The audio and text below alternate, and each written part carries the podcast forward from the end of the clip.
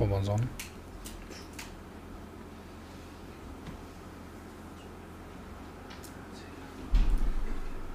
A e keni bo përsëritje.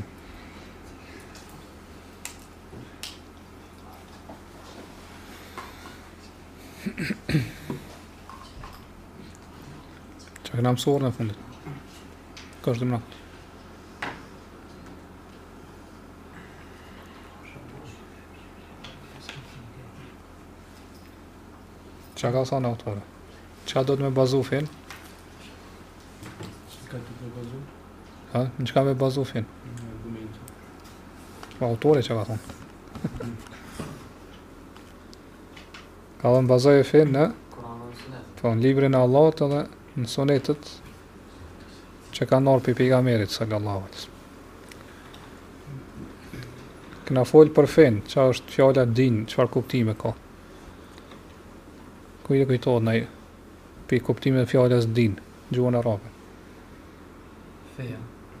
Din. Po, kjo është kuptimi ma i njoftun, po ka kuptim. Po ma, është ma gjithëpërfshirëse. Po, çfarë kuptimi? Po, islam. Edhe për sunetin e pejgamberit sa më zgjë bosh. Po jo, veç ana gjuhësore, kena thonë din ka për shembull kuptimin e gjykimit. Apo kuptimin e llogaridhënies, apo kuptimin e shpërblimit dhe dënimit. Për shembull e lexojmë në surën Fatiha Maliki jeumid din. Sunduesi i ditës së dinit, domethonë gjykimit ose dhënies së llogarisë, botën tjetër. Mirëpo kuptimi ma i shpeshtë është që përdoret për fe. Dhe kena thonë që e, domethonë ka fe të vërtetë dhe fe të kota. Kështu dhe na ka tregu një argument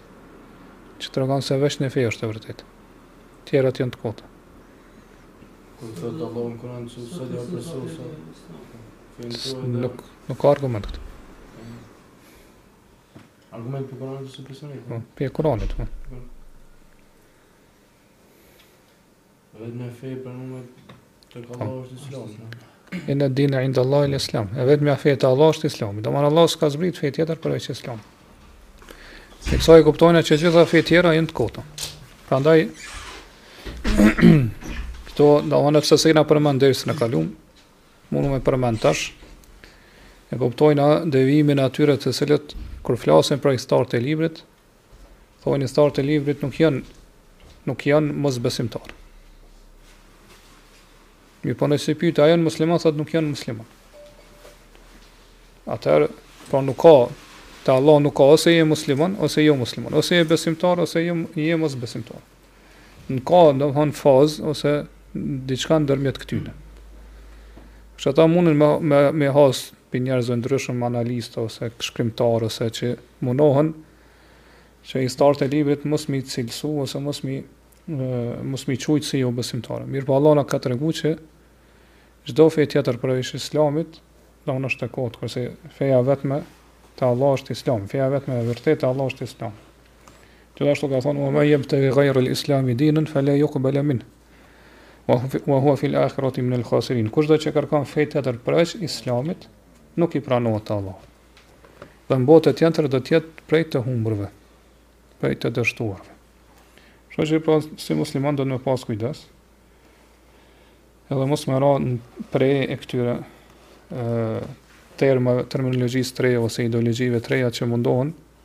Me i relativizu sadopak, domethonë llojet e kufrit që ekzistojnë sot në botë. Mirë, kena thonë, kur autori thotë, bazoje fenë tane në librin e Allahut, në librin e Allahut i ka dy kuptime. Thonë, të dhe të në. Në librin e Allahut, kena thonë, është kuptimi në Kuran dhe në sunetin e pejgamberit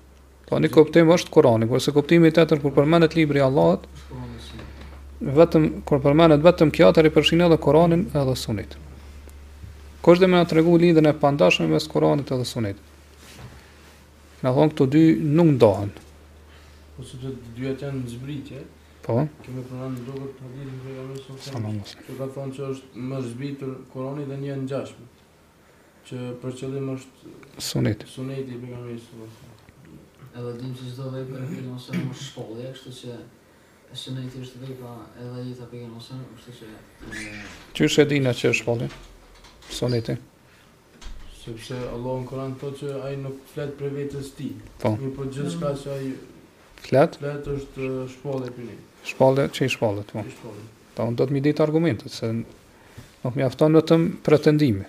Se dikush do të dikush pretendon diçka tjetër, ti pretendon diçka tjetër, ti duhet me e sjell argument. Me vërtetu pretendim, pretendimin tan. Tjetër çfarë lidhshmëri ka Kurani me Sunetin? Lidhshmëri Sa i përket argumentimit, apo? Do më që si me Koran, si me sunet, nëse argumenton njëjtë është.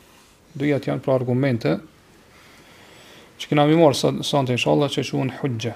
Huxhxhe, domethënë është argument e, bindës, ose që e ndërpren debatin. Po, kur, kur vjen argumenti, pi Kuranit, sunetit, më nuk ka debat. Nuk ka më polemikë, duhet me ju bind të gjithë.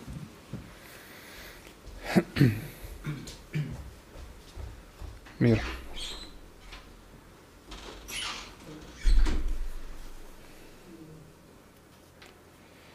Kemi thonë që e, bazat e argumentimit për cilat ka pajtueshmëri mes dijetarëve janë katër. Tan, për Kur'anin sunetin e kuptum. Cilat janë dy tjerat që veç i kemi i kemi përmend, po si kemi shpjegu, inshallah sonte i shpjegojmë. Ixhmaja konsensusi. Po, konsensusi edhe kijasi, analogjia, krahasimi.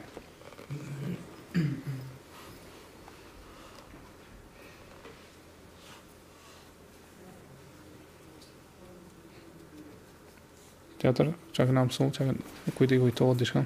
Ko, kemi thonë që leximi i Kuranit është adhurim. Po, të kjo është te ngjashmëritë, po mes Kuranit, lidhshmëria e Kuranit me sunetin, ndërkaq po, për lexim sunetit ki shpërblim, ashtu siç shpërblesh për lexim Kuranit, përveç se shpër, Kuranit shpërblesh domethënë ma shumë. Për çdo shkronjë shpërblesh dhjetëfish. E për sunet shpërblesh, mirëpo sa, e din veç Allahu s.a.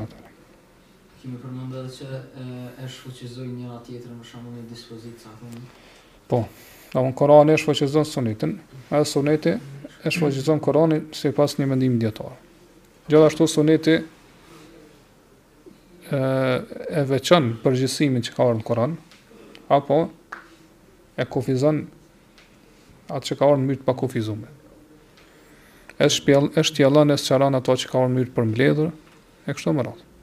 Për shembull Allahu na ka na ka urdhëruar në Kur'an me u fal. Urdhër të përgjithshëm. Mirëpo ku i dina ne detajet e faljes së namazit? Këto nuk janë në Kur'an, janë në sunet të pejgamberit sallallahu alaihi wasallam. Gjithashtu në Kur'an ka ardhur urdhëri me bë haxh. Kanë ardhur disa dispozita të përgjithshme. Mirëpo detajet e haxhit i kemi mësuar prej haditheve të pejgamberit sallallahu alaihi wasallam.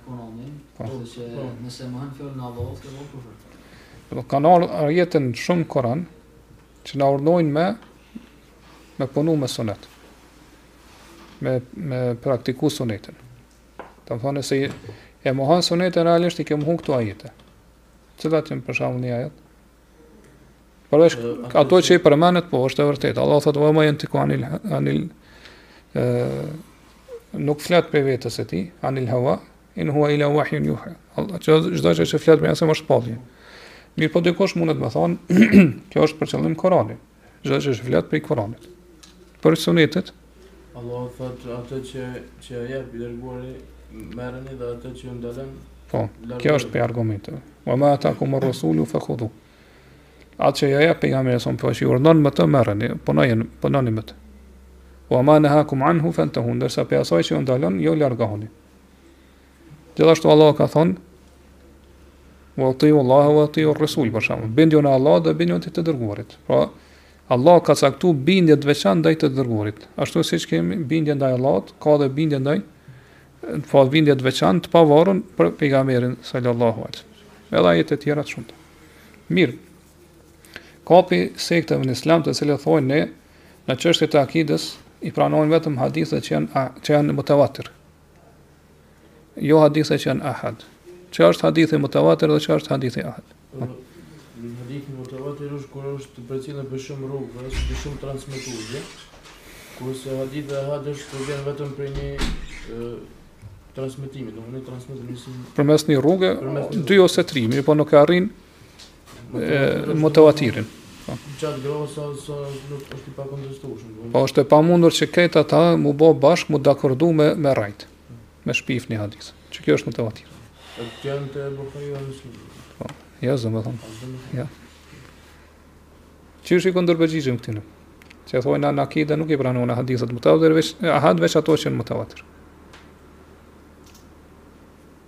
Pse ata thonë në hadithet mutevatira, janë ato që na dhojnë bindje. Kur i lexojna, e dijna që kanë ardhur përmes rrugëve, jemi të bindur se e ka thonë pejgamberi s.a. në mënyrë të plotë.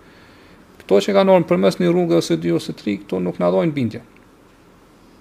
Do thonë nuk kemi bindje të plotë, jemi në hamendje. A janë të sakta a jo? Edhe pse ato janë kështu të sahiha, po s'përfitojmë bindje të plotë.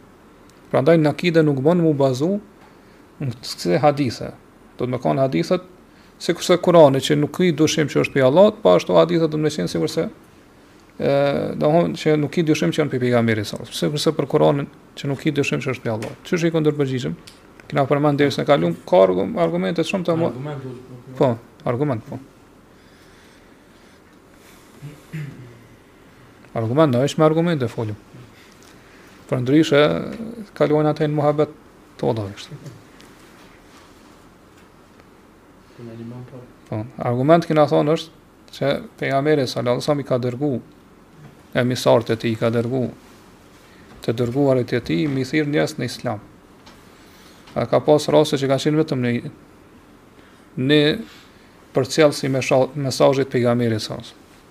Edhe nuk kanë thonë njerëz të atyre vendeve, valla na duhet me na ardh nja 50 veta ose 100, që na m'u bindë që do thënë je tu e përcjellë mesazhin e pejgamberit s.a.v.s. Mirëpo ka mjaftu me një. Do thënë vetëm me një njeri, me nësëm, ia ka, ia ka përcjellë islamin mbretërve ose sundimtarëve ose në vende të ndryshme ku i ka thirrë në islam. Kështu që domethënë njerëzit aty në vend e kanë pranuar islamin vetëm prej një njeri.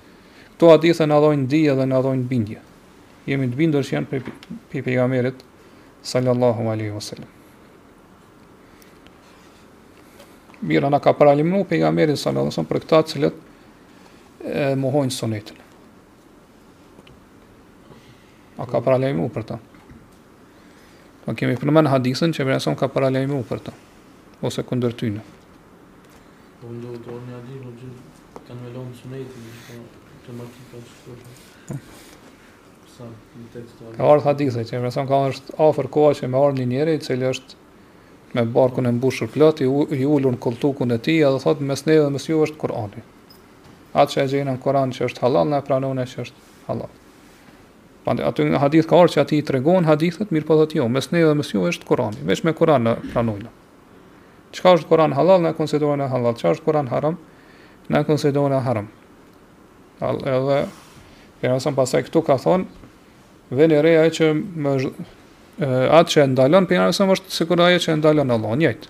Pra çka ka ndalu pejgamberi është sikur me ndalu Allahu. Gjithashtu ka thonë mua më është dhënë Kurani dhe diçka e ngjashme me të, pra suneti.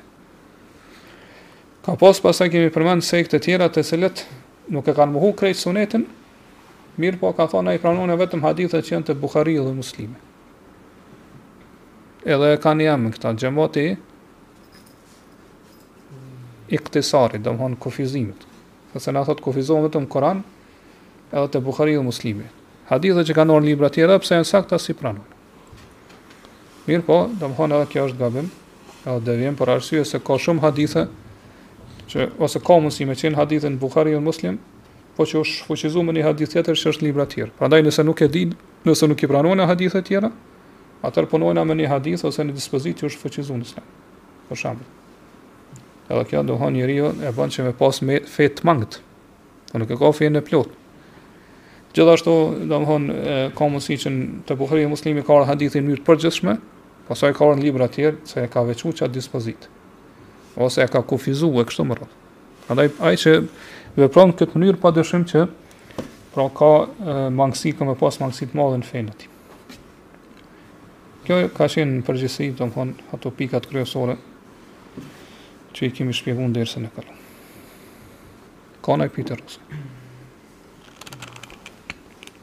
Shtohet, do të thon,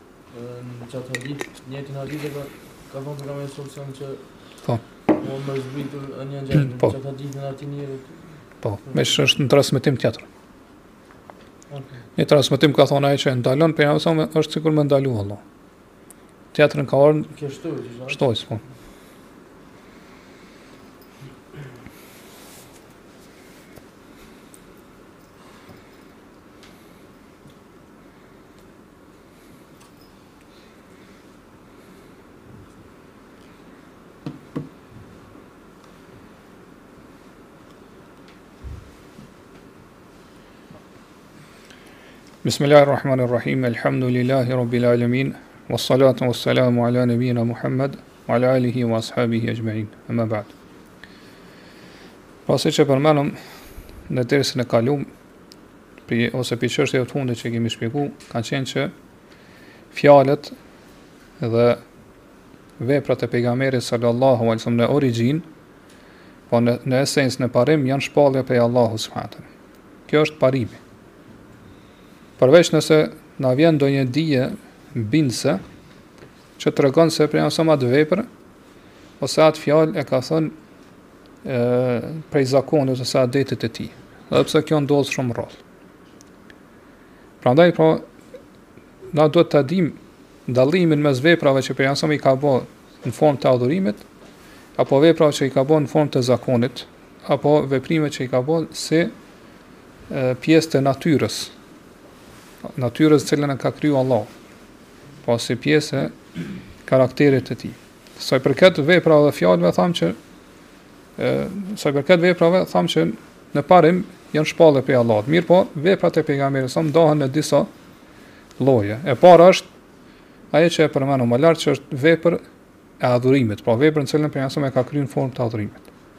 Tham që kjo është në parim. Pra çdo vepër e pejgamberit që e shohim, në parim është adhurim. Pra është prej ibadeteve me të cilën ai e ka adhu, e ka adhuru Allahun subhanahu taala, pra e ka vepruar si formë të adhurimit ndaj Allahut subhanahu taala. Dhe prej kësaj për këtë lloj të veprave të pejgamberit sallallahu alajhi wasallam, prej kësaj kategorie nuk përjashtohen ë veprat e tjera të pejgamberit përveç nëse kemi një provë rrethanore ose një tekst që në kuptimin e dukshëm ose kuptimin e parë na tregon që nuk është pra vepër që ka në formë të adhurimit. Mirëpo pa pa patjetër që kjo provë duhet me qenë provë shumë e fortë. Ngase e kemi pa edhe në dersin e kalum që Allah subhanahu taala na ka urdhnu me pasu sunetin e pejgamberit sallallahu alaihi wasallam. Gjithashtu edhe vetë pejgamberi alejhi selam na ka urdhnu që me e zbatu dhe me pasu sunetin e tij.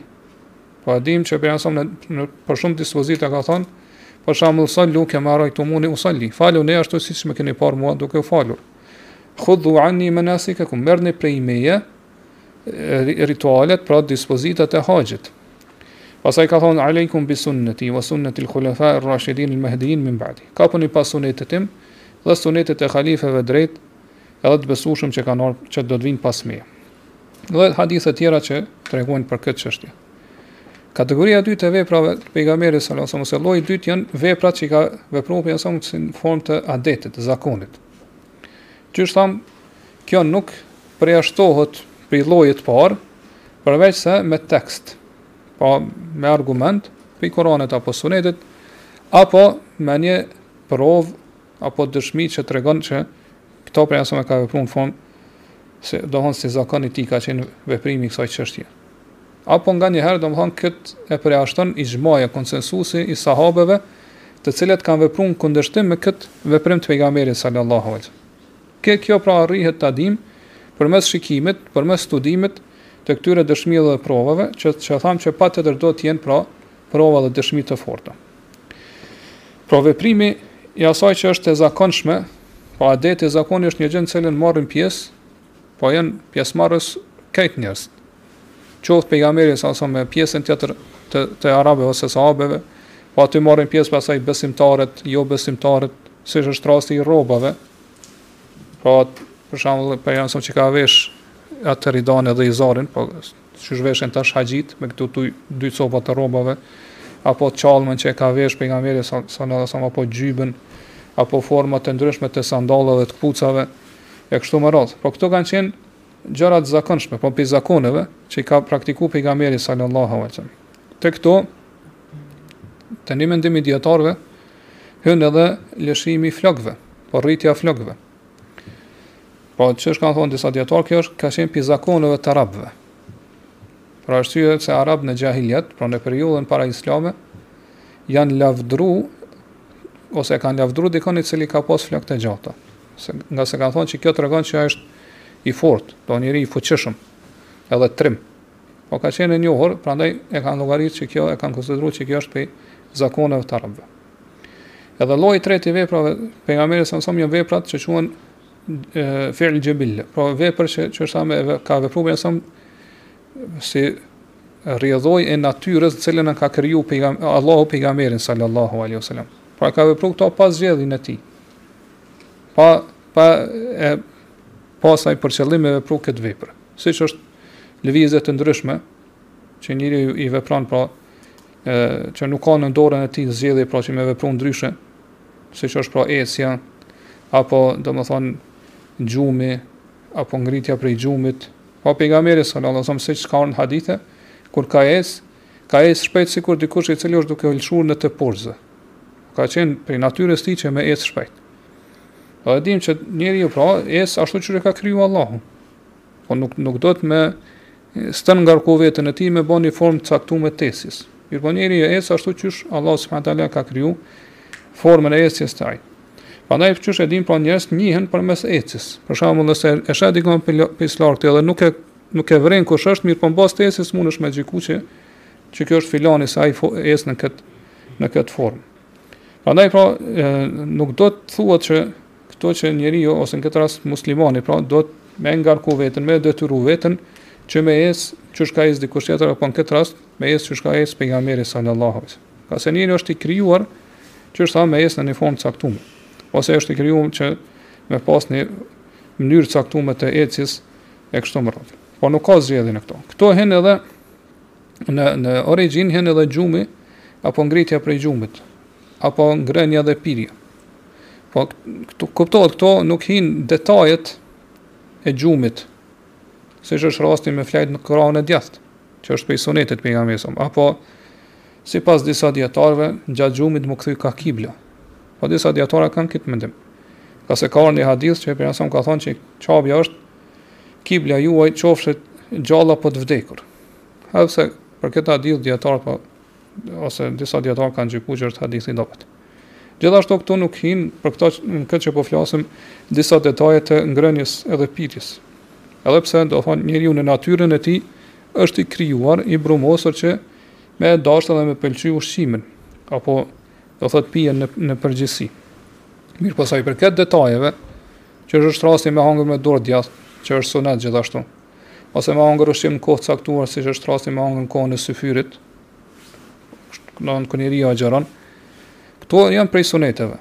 Mirëpo, në origin parim, me dasht një, me, me, domethënë, me pëlqy një lloj të ushqimit, apo një lloj të pijes, kjo është diçka që Allah subhanehu teala ka kriju në natyrën e njerëzve, po prandaj edhe kanë shije ose, domethënë, preferenca të ndryshme.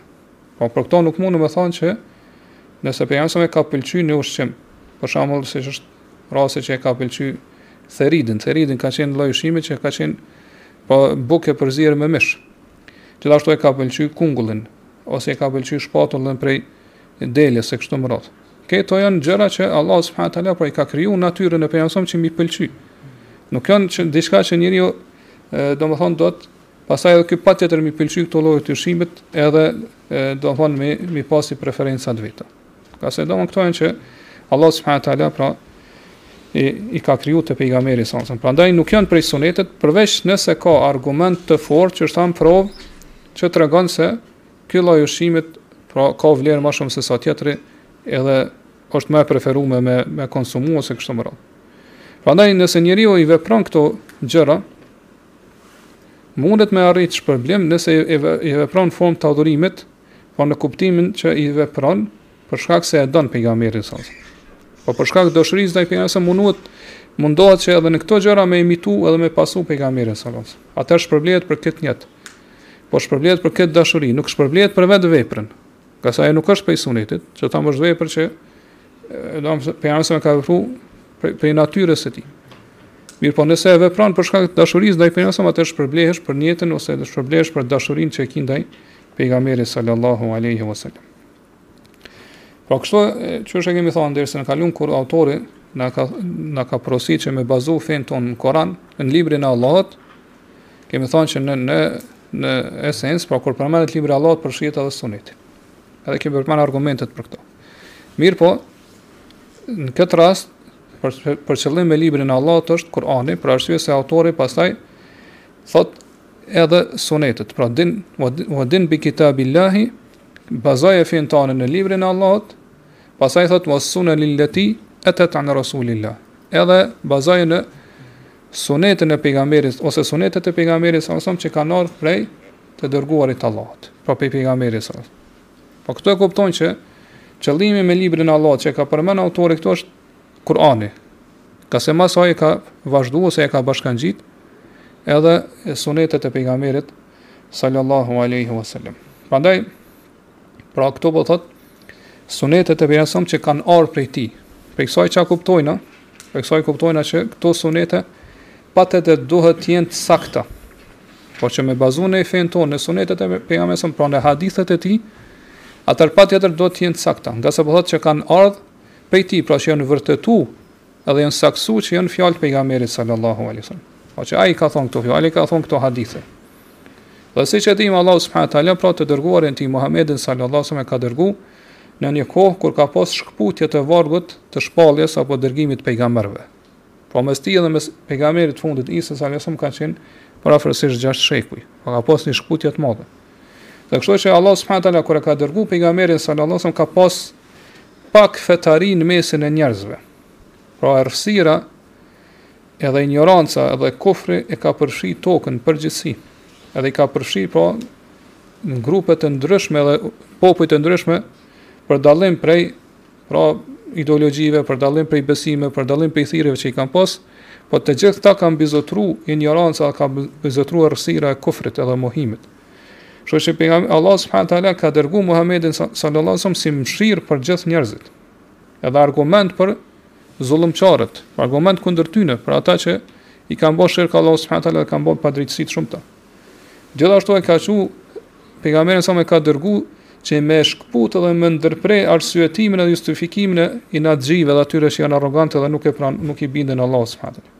Pra e ka dërguar si udhëzim për ata që kanë qenë të shkujdesur dhe shpëtim për të devotshmit. Prandaj përmes pejgamberit sallallahu alajhi wasallam Allah i ka udhëzuar njerëzit prej devijimit. Përmes tij Allah subhanahu taala i ka mësuar njerëzit dhe ja u ka do thot ja ka larguar ignorancën dhe mosdijen. Përmes pejgamberit sallallahu alajhi wasallam Allah i ka pasuruar njerëzit pas varfërisë. Po arabët kanë qenë të varfër, mirëpo me pejgamberin pastaj janë pasuruar. Me pejgamberin salasem Allahu i ka ngritë dhe ka lartësu, po ata që e kanë pasu, i ka ngritë dhe ka lartësu pasi që kanë qenë të nënshmuar dhe të poshtruar. Po me të Allahu subhanahu teala i ka hap ata sy të cilët kanë qenë të verbër dhe ata vesh të cilët kanë qenë të shurdhër dhe ato zemra të cilat kanë qenë të shkujdesura. Dhe Allah subhanahu wa taala ka caktuar krenarinë, lartësinë edhe suksesin për këdo që e miqëson edhe pason pejgamberin salasem. Derisa ka caktuar poshtrimin edhe nënçmimin për çdo kënd edhe zhgënjimin për këdo i cili e armiqson pejgamberin sallallahu alajhi wasallam. Kështu që Allahu e ka kufizuar shpëtimin në pasimin e rrugës së pejgamberit sallallahu alajhi wasallam edhe fitimin pra në ndjekjen e argumenteve edhe gjurmëve të pejgamberit sallallahu alajhi wasallam. Prandaj dhe autori po thotë fenë tonë duhet me bazu në sunetet të cilat kanë ardhur prej pejgamberit sa po në Kur'an, edhe në sunetet të cilat janë saktuar kanë ardhur prej pejgamberit sa po jo në hadithe të dobta, jo në hadithe të trillura, mirëpo hadithe të sakta. Pavarësisht siç thamë a janë hadithe mutawatira apo janë hadithe ahad. Po ne të gjitha do t'i pranojmë edhe punojmë me to në fenë tonë, po i kemi për bazë për fenë tonë. Mirëpo ne duhet me di se çka është suneti. Po me definicionin e sunetit. Suneti nga ana gjuhësore do thot një rrugë që ndiqet. Po një rrugë që ndiqet prej dikuj quhet sunet. Apo një traditë, apo domethënë një jetëshkrim i dikuj. Kjo është sunet. Mirëpo, në kuptimin fetar, sunet është çdo gjë që është përcjellur transmetuar pi pejgamberit sa qoftë fjalë apo vepër apo miratim. Kjo është suneti i pejgamberit sa. Çdo gjë që e ka thënë pejgamberi sa e ka vepruar edhe ka miratu. Disa dietar prej kelamistëve, edhe të tjerëve, madje këtu hin edhe disa prej dietarëve të hadithit, që kanë ardh, që janë më të vonshëm, jo pi dietarëve të hershëm të hadithit, ja shtojnë këtij definicioni thonë apo që është përcjellur pi pejgamberit sa ndonjë atribut cilësi fizike e pejgamberit sallallahu alajhi wasallam apo cilësi e sjelljes dhe moralit të tij. Mirpo, mirpo qikjo shtesa që e kanë sjellë ata nuk është e nevojshme. Nuk është e nevojshme t'i shtohet te definicioni. Për arsye se qysh e pamë ma lart, ato atributet apo tipare cilësitë fizike që i ka njeriu nuk janë n'dorën e tij. Nuk i posedon ai, por njeriu është ashtu siç e ka krijuar Allahu subhanahu teala. Po siç e dimë, pra Allahu subhanahu teala ka krijuar njeriun në formën më të mirë, më të bukur, më të përkryer.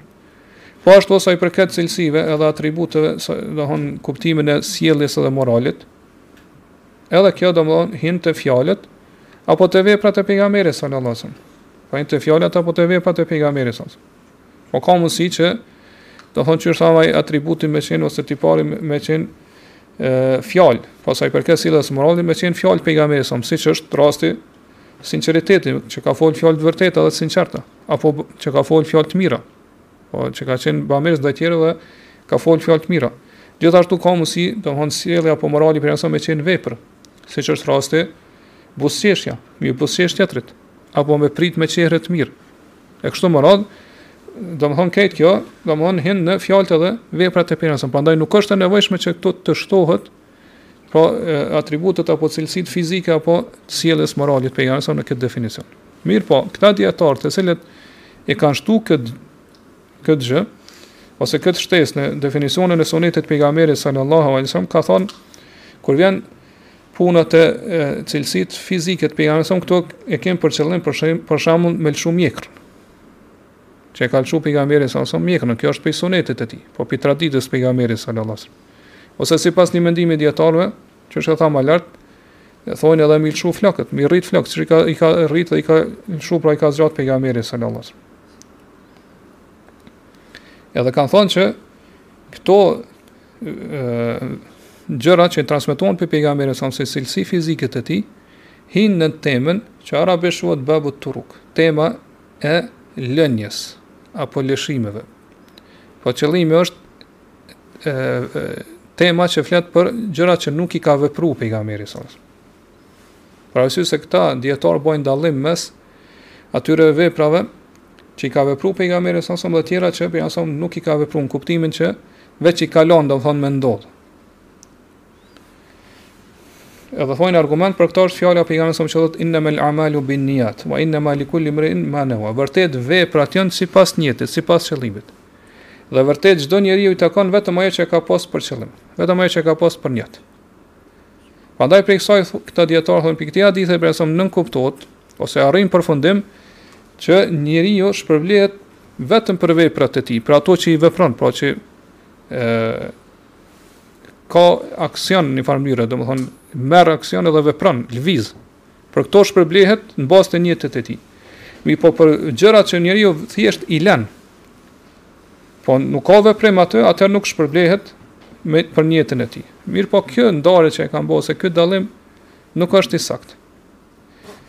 Ngase, sikurse veprimet, për cilat shpërblehet njeriu, edhe për cilat patjetër do të bësh nijet për m'u shpërbly, njëjtë edhe për mosveprimet e tij.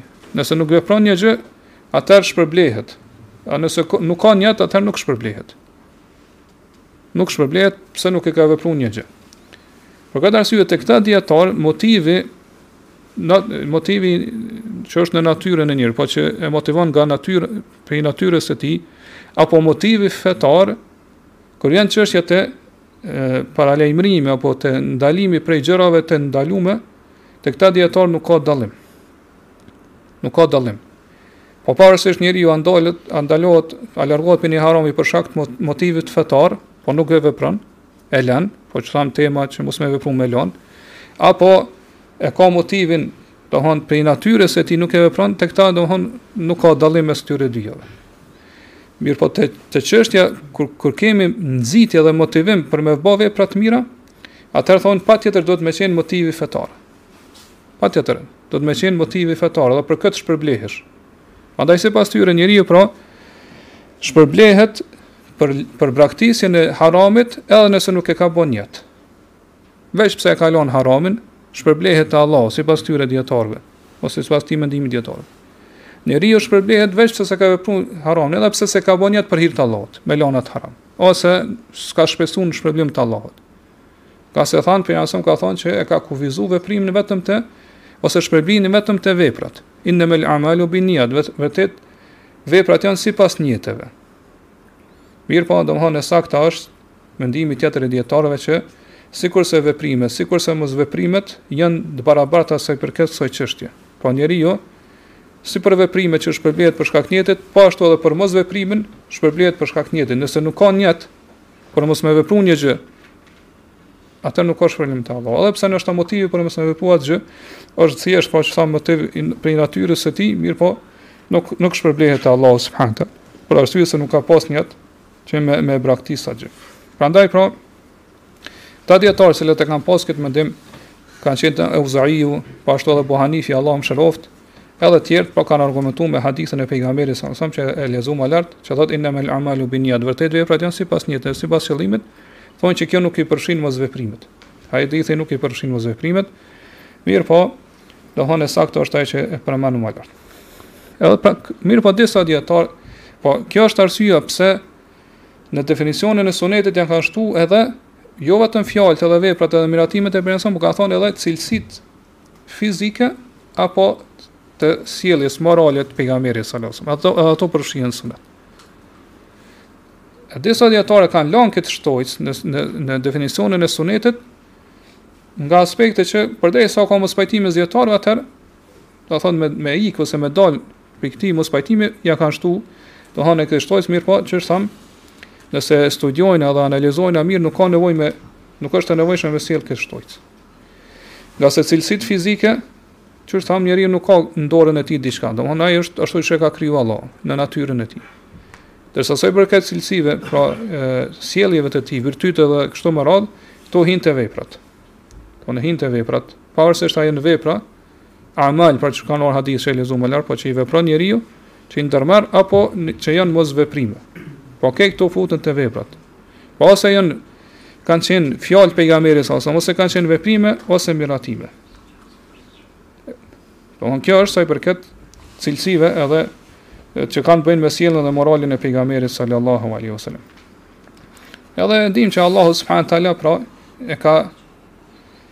përmbledh moralin e pejgamberit me një hadith, me një ajet dhe ka thënë wa innaka la ala khuluqin adhim. Vërtet ti je në një moral, je në një akhlak pra shumë të lartë, shumë të madh, madhështor. Prandaj pejgamberi salallahu ka pas sjellje edhe moral shumë të lartë qoftë, qysh thamë si fjalë apo si veprime. Edhe të gjitha pra këto hyjnë te përfshihen pra te definicioni i sunetit dhe nuk ka nevojë që që të vjen kjo shtesë. Mirë, ë ne Pra, e pam që autori po thotë, me bazu fenë tënde në librin e Allahut pra në Kuran, edhe në sunetet, pra hadithet që kanë ardhur prej pejgamberit salallahu. Nëse vepron kështu thotë tenxhu wa terbahu, do të shpëtosh edhe do të fitosh. Këtu autori po i kufizon sunetet që kanë ardhur prej pejgamberit sallallahu alajhi wasallam. Pse po i kufizon sunetet që kanë ardhur prej pejgamberit sallallahu alajhi wasallam? Ngase me këtë autori, po për këtë çështje ka mospajtim mes dijetarëve qysh kena me shpjegu edhe më poshtë, po don me përjashtu sunetet ose rastet kur ky, ky përshkrim pra sunet ka ardhur për sahabët. Pra pamë ma lart që pejgamberi salallahu ka thonë alejkum bi sunneti wa sunnetil khulefai rrashidin. Kapuni për sunetin tim dhe sunetin e khalifeve të drejtë. Autori po thotë Bazoje fenë tënde në librin e Allahut dhe në sunetet që kanë ardhur prej pejgamberit sallallahu alajhi wasallam. Për me tregu që nuk ka hujja, pra nuk ka argument e, të prerë që e ndërpret çdo debat mes muslimanëve, çdo polemikë, përveç në përveç në Kur'an, edhe në sunetet që kanë ardhur prej pejgamberit sallallahu alajhi wasallam. Ndërsa nëse dikush tjetër ka ardhur në hadithe që përshkruhet me kët përshkrim, pra me sunet siç është rasti i sahabëve, atëherë nuk përfshihet në këtë gjë, po nuk e bazojmë fenë tonë në Kur'an edhe në sunetet që kanë ardhur prej sahabeve. Qysh e pamë pra në hadithin e e pejgamberit sa sa thotë kapuni me sunetin tim dhe sunetit të halife. Pra autori thotë suneti i halife ose sahabeve nuk përfshihet si bazë e fesë tonë, vetëm suneti i pejgamberit sallallahu alaihi wasallam. Dhe kjo realisht është një çështje për të cilën ka mospajtim mes dijetarëve.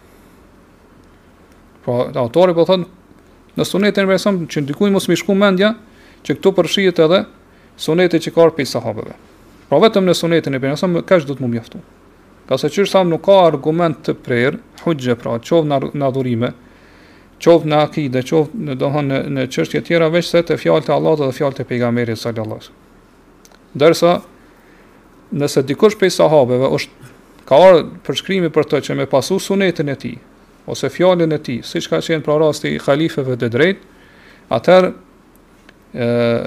këta dijetarë thonë që kjo nuk është huxhe, nuk është argument përveç nëse sahabët kanë ixhma, kanë konsensus rreth asaj. Atëherë ixhmaja e sahabeve është argument. Ixhmaja e sahabeve është argument. Jo fjala ose mendimi i dikujt prej sahabeve.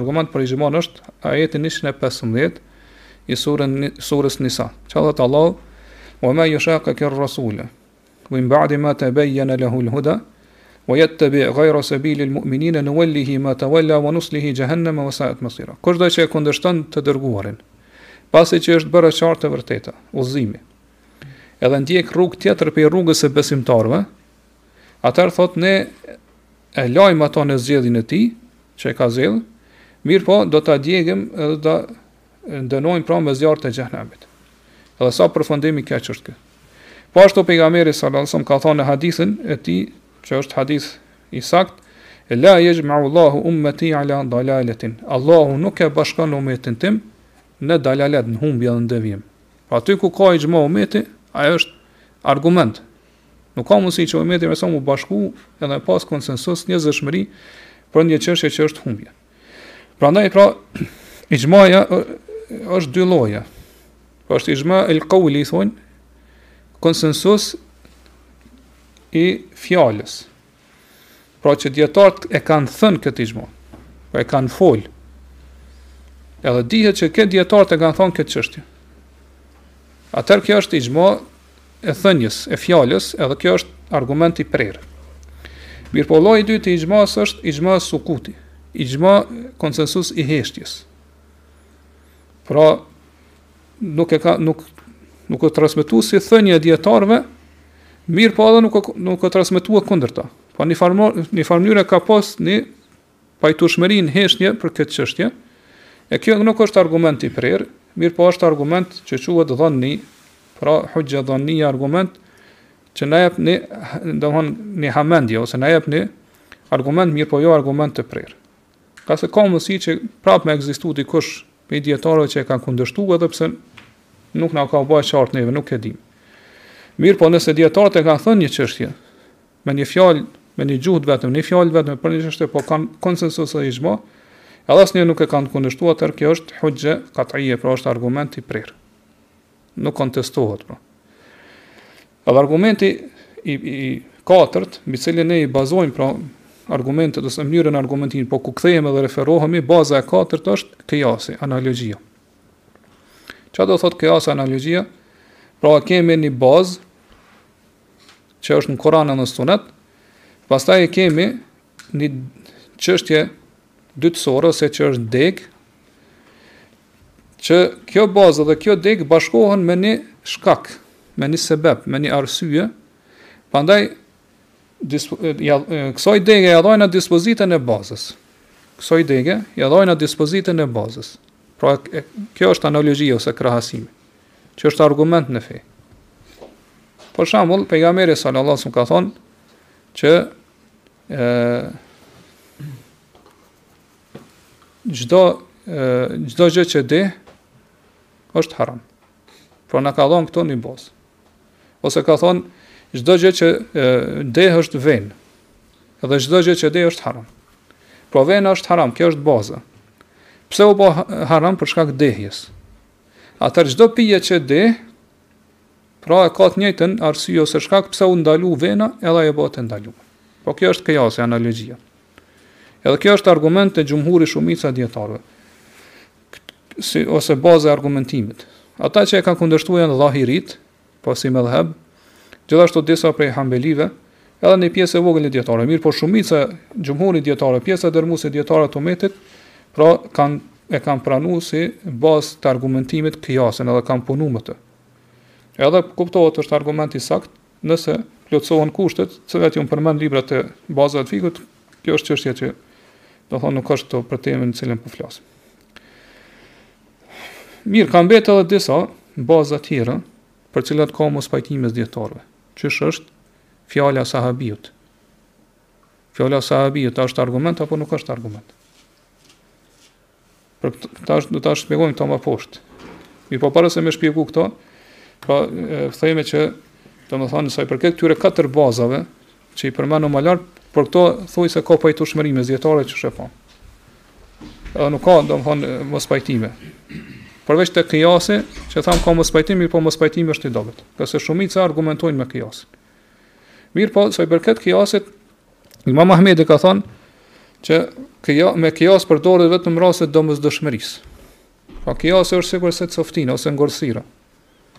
Do të thotë njeriu i lejohet me konsumu një, një kafshë që ka ngordh në raste të domosdoshme, kur është duke vdek ose domethënë kështu me radhë. Prandaj edhe me kijas, domethënë argumentohet vetëm në raste të domosdoshme. Po ku është rasti i domosdoshëm?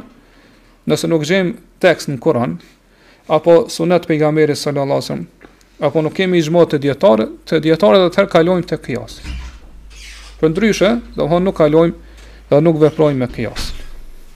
Sidoqoftë, domethënë kur flasim për ixhman edhe kijasin si dy baza të argumentimit, që e thamë deri tash, po që janë prej katër bazave që ka pajtueshmëri mes dijetarëve, realisht, domethënë, ashtu qysh po na përsërit autori, ne fenë tonë e bazojna vetëm n'Kur'an edhe në sunet.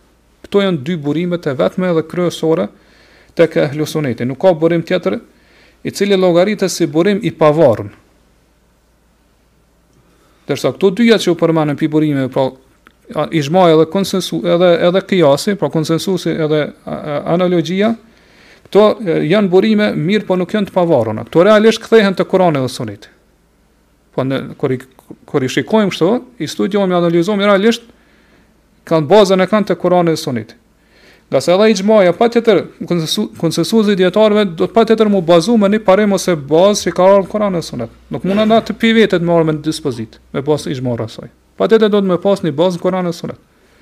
Gjithashtu edhe kijasi e pamë që patjetër duhet me pasë një bazë që ka ardh argumente për të në Kuran e Sunet, pasaj me bo, Me bë domethënë analogji me të tjerët. Kështu që për fenë tonë nuk ka burim të tretë ku e bazojmë ne përveç Kuranit dhe Sunetit. Pra nuk ka burim të tretë siç veprojnë disa sekte që e kanë mendjen e tyre. Po që për bazë të fesë së tyre ose burim të fesë së tyre kanë mendjen. Siç veprojnë disa bidatçi ose logjikën disa të tjerë E vërtet, po logjikën thonë që logjika është ajo që do thonë e ruan mendjen ose mendimin prej gabimeve. As nuk e kemi për bazë për ato premisat ose ato parimet që i kanë që i përdorin kelamistët apo të tjera, domethënë që mbi to ato i bazojnë ose nxjerrin rezultate dhe dispozita fetare. Pra ajo që është baza e fesë sonë është Kurani dhe Suneti.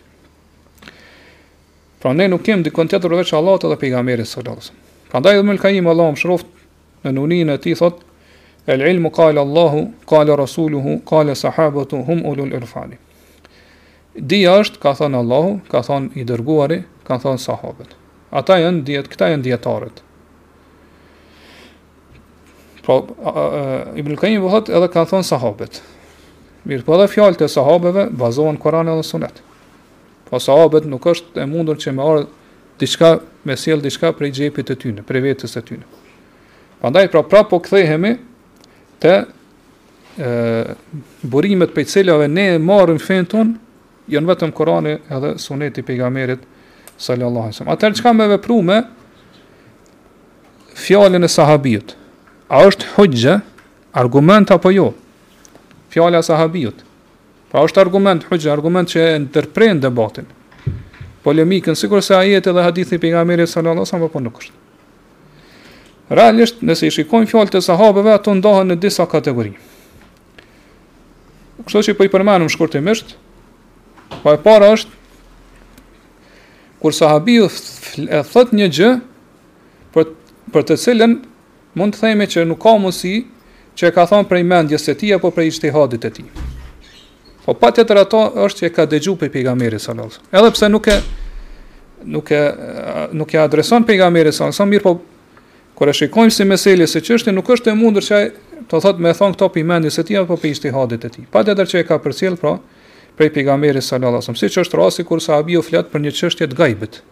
Për një çështje që ka të bëjë me botën tjetër ose që ka të bëjë me ditën e Kiametit e kështu me radhë. Këtu themi që patjetër sahabiu e ka dëgju prej pejgamberit sallallahu alaihi wasallam. Prandaj këtë rast ne e marrim për bazë fjalën e sahabiut. Edhe themi që fjala e tij e ka dispozitën e hadithit merfu, pra hadithit që transmetohet prej pejgamberit sallallahu alaihi wasallam. Ngase këtu ka pra një mundësi shumë të fortë dhe të madhe që vetë pejgamberi sallallahu alaihi wasallam ka thënë këtë gjë. Ngase sahabët, qysh thamë e kanë transmetuar sunetin e pejgamberit salasëm, ose, do thotë, fjalë për fjallë prej pejgamberit duke ia adresu pejgamberit salasëm, e nganjëherë, pra e kanë përcjellë me kuptim, me do me thënë, dhe pa ia adresu pra pejgamberit sallallahu alësëm. Ngase nganjëherë, do thotë, ka ardhë në formën e fetfas, ose me përgj si përgjigje ndaj një ndaj një pyetje kështu me radhë dhe pra e kanë përcjell pra sunetin e pejgamberit këtë formë. Kjo që e tham, prej kësaj përjashtohet vetëm rasti, ose para se me thonë këtë, këtu përfshihet edhe fjala e sahabit kur thotë pej sunetit është kështu. Pej sunetit është me vepru kështu është është me me vepru kështu. Atëherë shumica e dijetarëve kur thotë sahabi pej sunetit është kjo është për qëllim pej sunetit pejgamberit. Pra ka dispozitën e fjalës pejgamberit sallallahu alaihi wasallam. Në rastin kur prej kësaj përjashtohet vetëm rasti kur ekziston një mundësi e fortë që sahabiu transmeton prej israeliateve. Po prej atyre e, lajmeve ose informatave që kanë ardhur prej ithtarëve të librit. Zakonisht që kanë ardhur prej e, beni israilëve, për çka edhe quhen israeliate. Pra dijetarët thonë këtë rast e, po qysh thamë nëse sahabiu e thot një fjalë që nuk ka vend aty për me e thon prej mendjes së tij, Atëherë e merr dispozitën e hadithit merfu, që është prej pejgamberit sallallahu alaihi wasallam. Edhe kësaj fjale të sahabiut i jepet përparësi para kiasit, para analogjisë, në argumentim. Edhe me këtë fjalë sahabiut mundum edhe me e veçu tekstin, pra tekstin fetar, Kur'anin apo hadithin e pejgamberit sa. Përveç rastit nëse sahabiu transmeton prej israeliateve. Atëherë nëse është ka një një mundësi të fortë që tra, që hadithu sahabiu njihet që transmeton pe eh, pe ehlul kitab, pe ithtarët e librit, atëherë në këtë rast fjala e tij e merr dispozitën e israeliateve. E dispozita e israeliateve çka është në islam, qysh e kanë shpjegu dijetarët, është që israeliatet i kanë tri gjendje. Të është pra është nëse është është kur ne kemi obligim me besu, e kemi detyrë me besu, ajo është që nëse vjen përputhje me Kur'anin dhe Sunetin e pejgamberit. Pra nëse kemi është i vërtetë, atë, po që ai ai tregim është i vërtetë, atëherë na duhet me besu. E dyta është e kundërta e kësaj. Po që kemi obligim me përgënjeshtru, edhe me qujtë si gënjeshtër. E këto janë israiliat, israiliatet që Kur'ani e Suneti kanë tregu që nuk janë të vërteta, janë rrena dhe gënjeshtra. Edhe treta është që As nuk na lejohet me përgënjeshtru, as nuk na lejohet me besu. E këto janë israiliatet për cilat nuk ka argument as prej Kur'anit dhe as prej Sunetit që tregojnë që janë të vërteta apo të pavërtetë. Mirë, lloji i dytë ose kategoria e dytë e fjalës së sahabit është kur sahabiu thotë një fjalë që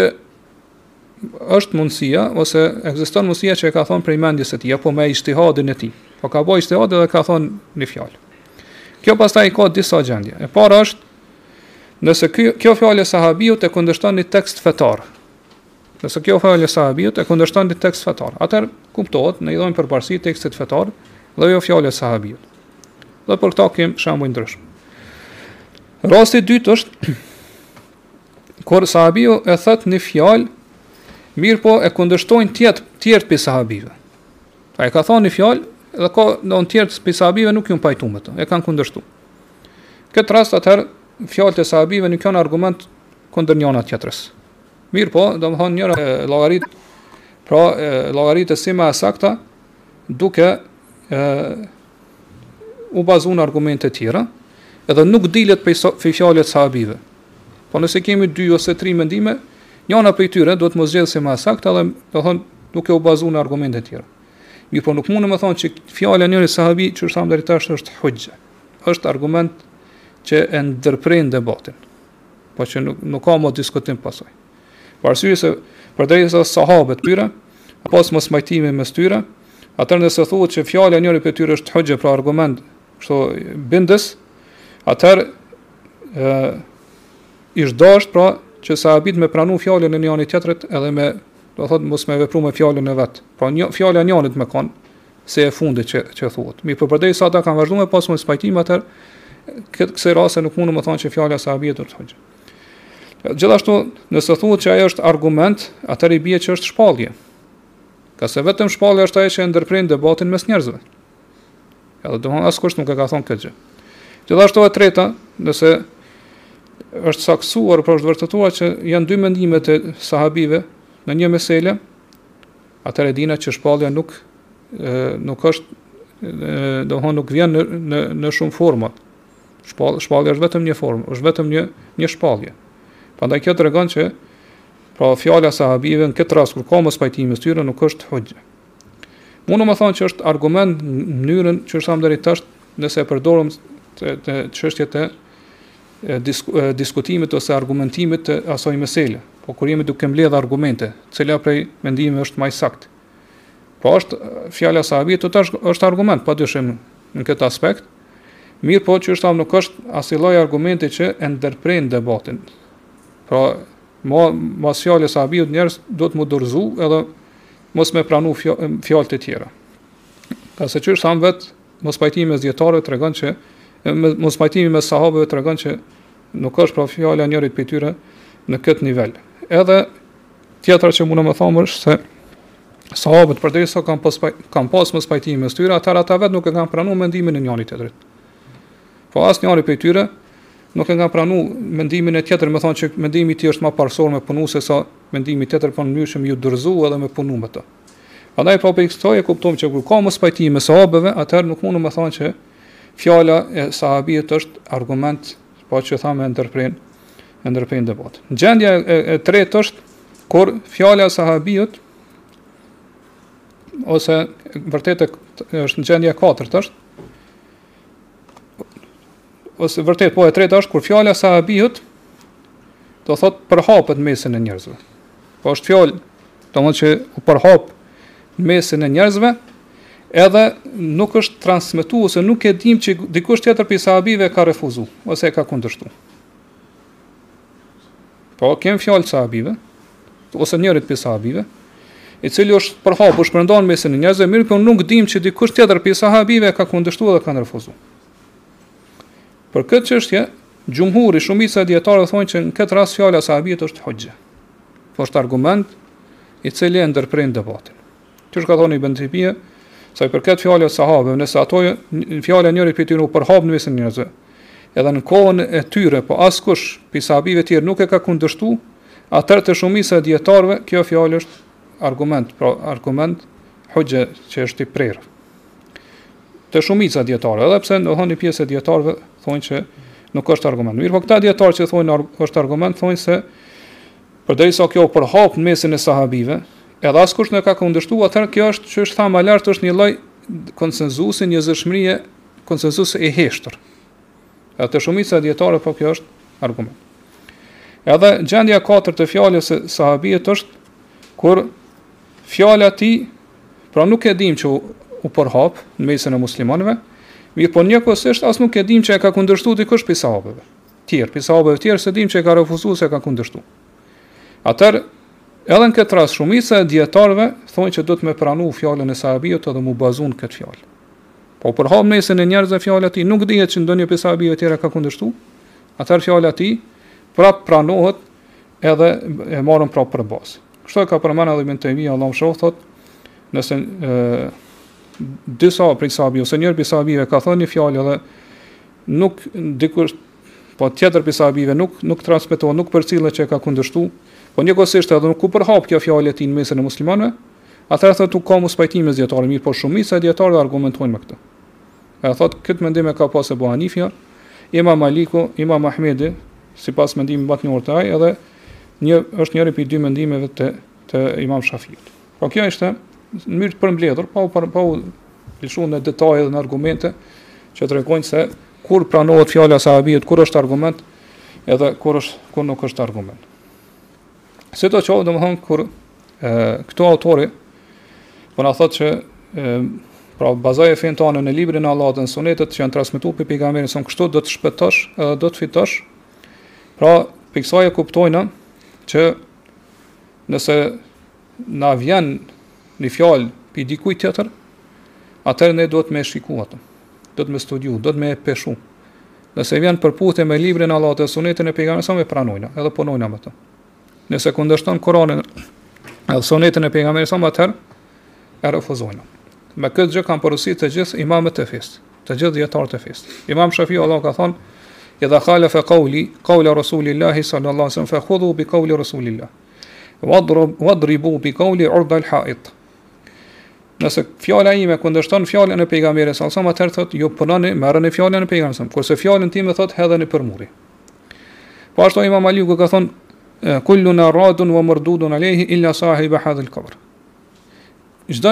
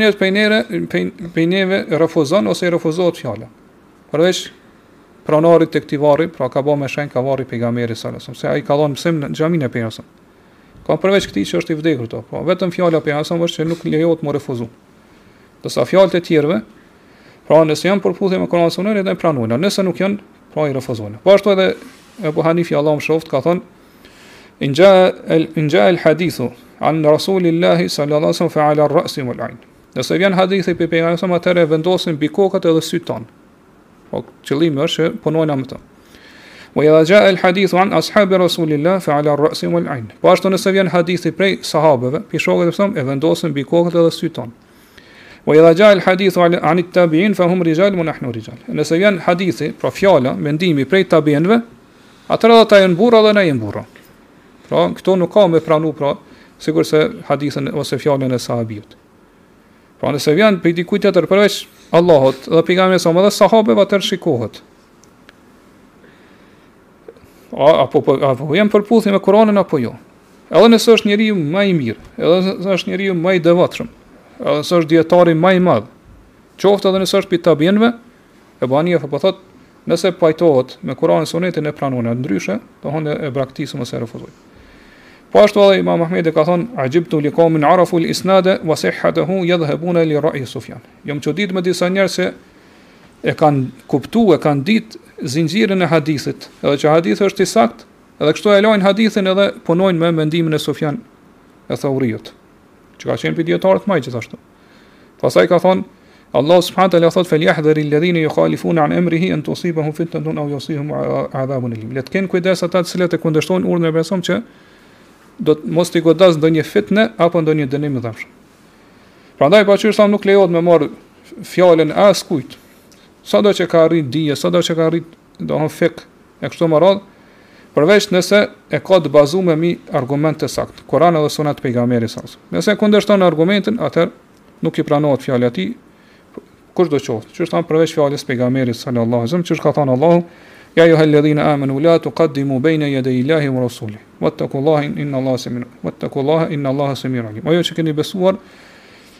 Mos i jepni përparësi askujt para Allahut edhe pejgamberit sa. Edhe keni frikë Allah ngase vërtet Allah është dëgjuesi edhe shikuesi.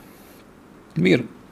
Pas krejt kësaj porosie që na dha autori, po na tregon edhe shpërblimin. Cili është shpërblimi? Nëse ne pra e, e bazojmë fenë tonë Kur'an dhe Sunet pejgamberit sallallahu alaihi wasallam. Po thotë tenxhu wa tarbahu. Do të shpëtosh edhe do të fitosh. Do të shpëtosh nuk po nuk po përmend prej çka me shpëtu. Për me tregu që kjo është e përgjithshme, po do të shpëtosh pi të gjitha të këqijave.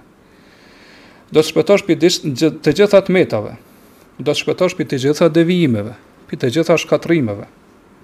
Do të jesh i pastër, i dlirë pej bidateve, pej tekave, Do thotë prej risive në fe. Do të shpetosh pi kurthave të bidatxhive, pi grupeve sekteve të tyne. Edhe do thonë pi intrigave kështu me radhë. Po gjithashtu do të shpetosh edhe në botën tjetër pi zemrimit të Allahut, pi dënimit të tij, edhe pi hyrjes në banesën e zemrimit edhe hakmarrjes së dënimit të Allahut subhanahu. Qysh ka thon Allahu fa man zuhziha anin nari wa udkhil al jannata faqad faz. Kushdo që largohet prej zjarrit, Pra shpëton prej zjarrit të të të xhehenemit dhe hyn në xhenet, ky është fituesi. Ky është i fituari. Prandaj autori nuk po thotë që vetëm do të shpëtosh, mirëpo gjithashtu po shton edhe do të fitosh. Po fitimi është shtesë ndaj shpëtimit. Po ti do të shpëtosh pi këtyre gjërave që i përmenda më lart, mirëpo edhe ki me fitu. Po ki me fitu në botën tjetër, ki me arrit sukses. Edhe do të arrish përjetësinë edhe amshueshmërinë në në banesën dhe shtëpinë e kënaqësisë, do të thonë në afërsi të Allahut subhanahu wa taala gjithëmëshirshmit. Prandaj, siç e dimë, fitimi është shtesë ndaj kapitalit. Do thonë njëri ka pasurinë e tij kapitalin, edhe ka profitimi shtesë. Po çdokush që hyn në një garë, qoftë domethënë çështja e kësaj bote ose botës tjetër, Nëse shpëton ose mbetet me vet në vet me veten e tij, pra pej asaj gare del vet, atëherë domethonë ky nuk ka humbur asgjë, është i shpëtuar. Siç ka thënë pejgamberi sallallahu alajhi wasallam kur i përshkruan ato grepat që janë në në dy an dy anët e urës së siratit që vendoset mbi xhehenem, pra që i kapin njerëzit e kështu me radhë, thot fenajin musallem. I shpëtuar ai është ai që domethon nuk e kapin këta grepët. Po ky ka shpëtu. Edhe nëse hala nuk ka fitu, nuk ka hin xhenet, mirë po është i shpëtuar që ka kalu në anën tjetër të siratit, pa e kap e pa e grith ata grepët. Pra kjo është shpëtimi. Mirë po nëse sh... vjen diçka shtesë, atëherë kjo është fitimi. Siç thamë njeriu hin në një tregti ose biznes, edhe nëse i shpëton kapitali i tij, atëherë ai ka shpëtuar, mirë po nëse ka pasaj fitim e shtes, atëherë kjo është i fituari. Për këtë arsye, pra autori po na përshkruan për për na përshkruan personin i cili është i kapur për fjalët e Allahut, edhe fjalët e pejgamberit s.a. për Kur'anin e Sunetin që ky jo vetëm që ka me shpëtu, mirë po edhe ka me fitu. Po ky ka me arrit atë shpëtimin e plotë dhe gjithashtu fitimin e plotë. Dhe kjo është pra qëllimi më i lartë të cilin e synon njeriu. Po ka me ka është ai qëllimi ose synimi më i lartë të cilin e synon besimtari. Po përveç që ke me shpëtu, po kapitali jot është shpëtimi, botën tjetër, e që është den, shpëtimi i dënimin dënimit të Allahut, po ashtu do të fitosh fitime të shumta, të lloj-llojshme, të kësaj bote dhe botës tjetër. Pra ke me në botën tjetër që është ke me fitu për amshushmëri, ose përhershmëri në në xhenetin e Allahut subhanahu taala ku do të ketë pallate, do të ketë hyria, do të ketë do thot siç e dim lule, lumenj të ndryshëm, do të jesh i sigurt, do të kesh kënaqësi, do të arrish kënaqësinë e Allahut subhanahu taala, Allahu kurrë nuk do të zemrohet më me ty, po fitime të lloj-llojshme do të kesh, Edhe të larmishme do të kesh pas nëse kapesh pas Kur'anit dhe Sunetit të pejgamberit sallallahu alajhi wasallam. Po edhe në këtë botë ke me pas fitime, do të arrish lumturinë, do të jesh domethënë ë do të kesh një jetë të mirë, do të kesh domethënë shpirt të qetë, gjithashtu do të arrish atë prehjen e mendjes e kështu me radhë. Pra Allah subhanahu wa taala siç e dimë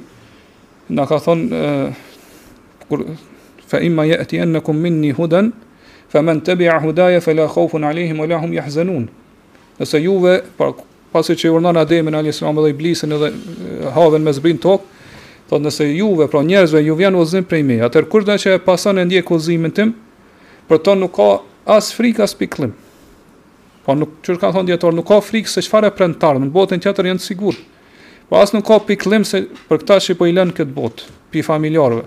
Po Allahu jep përgëzim edhe lajm të mirë që Allah kujdeset për ta. Në surën Taha, Allah thot, fa meni ittebea hudaje, fa la jadhil-lu, wa la jeshka.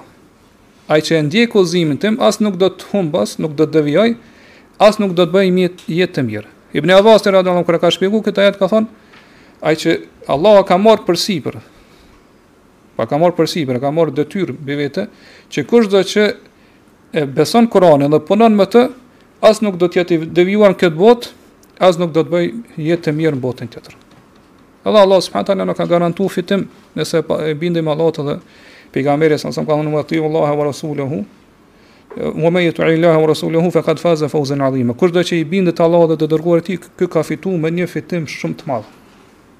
Dhe fitim domethënë më të madh nuk ka se sa me hi në xhenetin e Allahut s.w.t. dhe me pa, me pa fytyrën e Allahut s.w.t. në, në xhenetin e tij. Prandaj pra, në fund, autori pasi që po po i sjell këtë, këtë porosi, pra edhe porosin që ka thënë, që kemi shpjegu, pra porosin e parë dhe porosin e dytë, po don me na tregu se tash, kur vinë këto e, vargjet tjera më poshtë, që ai shtjellon disa prej meseleve të akidës, do thotë që kanë qenë të përhapur dhe të njohura në kohën e tij. Pra autori po don me na tregu që n'gjitha këto ai është bazu në Kur'an dhe në Sunet të pejgamberit sallallahu alajhi wasallam. Pra në në poezinë në vargun e parë autori po thotë kapu për litar, për e, litarin e Allahut, edhe ndiqe udhëzimin dhe mos u bë bidatxhi që të të të kesh sukses. Te e dyta na tha, bazoje fenë tonë në Kur'an dhe Sunet, që në dhe në Sunetet që kanë ardh prej pejgamberit që të shpëtosh dhe të fitosh. Pra realisht këto dy vargje përmbajtjen e kanë të kuptimin përmbajtjen e kanë të njëjtë. Mirpo në këtë dytën autori po don tekstualisht me na specifiku edhe me na tregu që duhet m'u kapë që e thamë deri tash në fenë tonë për Kur'anin edhe sunetin e pejgamberit sallallahu alaihi wasallam. Edhe do ta shohim pra në të ardhmen inshallah që vargjet që vazhdojnë të kësaj poezie do të jenë pra e, këto janë porositë në mënyrë të përgjithshme që po na jep autori, të përmbledhura, pastaj vijnë vargje të tjera që thamë do t'i shtjellojnë në detaje çështje që kanë të bëjnë me akiden. Por me tregu se gjitha këto detajet, holësira që kina mi përmend tash, realisht do thonë kthehen në këto dy porosi të përgjithshme që unë përmend në këto dy vargjet e para.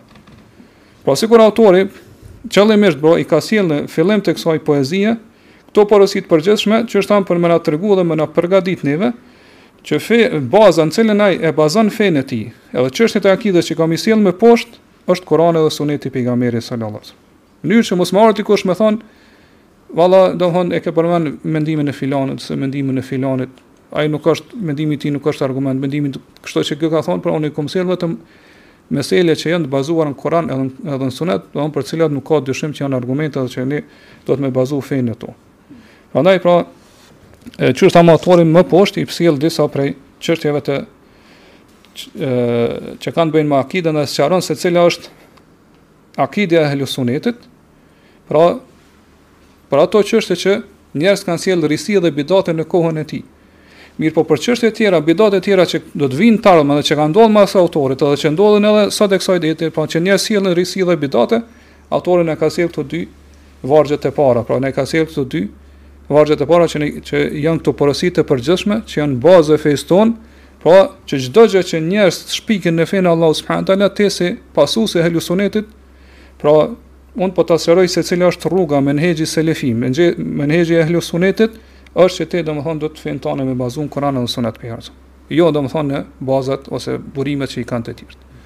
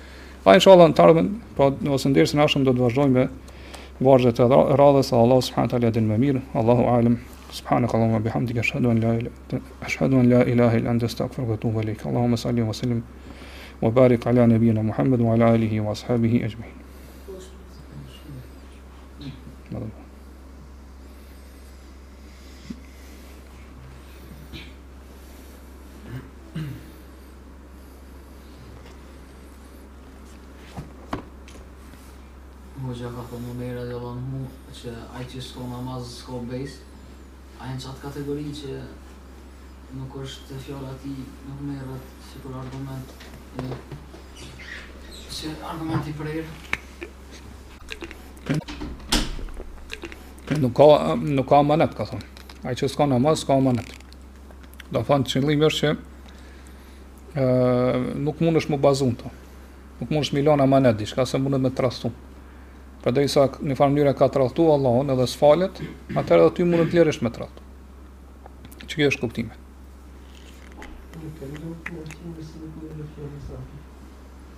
Po, a më nga më shumë edhe pse e shumë një një një fjalë sa vyen me hulumtu hadithe që me qyra pas bërë ksaj tematike për shumë dhe dhe marrë si argument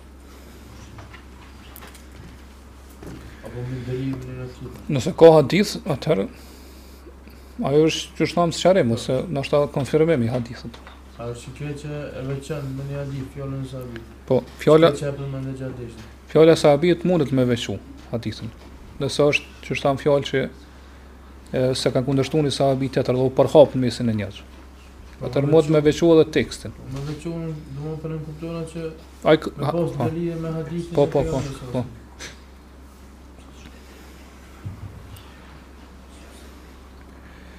Po thotë në një xhami në Prishtinë kanë parë një e kam parë një simbol të dy trekëndshave, si te flamuri i Izraelit. Çfarë domethënie ka ky simbol në xhami? Xhamia është e renovuar nga turqit. Kta nuk e di unë. Duhet me i pyet historianët ose arkeologët Besoj që ata të dhajnë përgjigje rreth kësaj. Pse është ky simbol ose çka ka simbolu në atë kohë? Pse u vendos? Besoj ata kanë përgjigje rreth kësaj. Sido qoftë, në islam nuk ka simbole. Po në islam nuk ka simbole të shejta. Shumë njerëz mendojnë që simboli i islamit është hana dhe ylli, mirëpo nuk është e vërtetë. Në simbol nuk ka në në në islam nuk ka kësi simbole që na i shenjtrojnë. Ta hana ylli ka qenë te turqit, ata e kanë pas si simbol të flamurit tyne, edhe e kanë përdorë pastaj nëpër xhamia, kanë vendos. Mirëpo, po në islam nuk ka, nuk ka kësi simbol.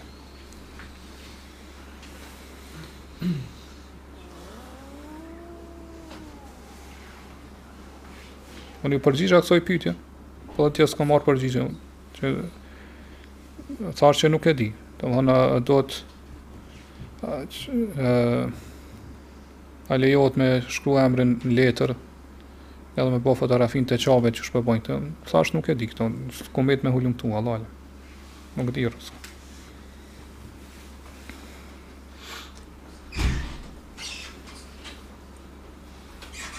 Për parauzimet e kam përfunduar fakultetin dhe tashmë më ka mbetur vetëm tema e diplomës.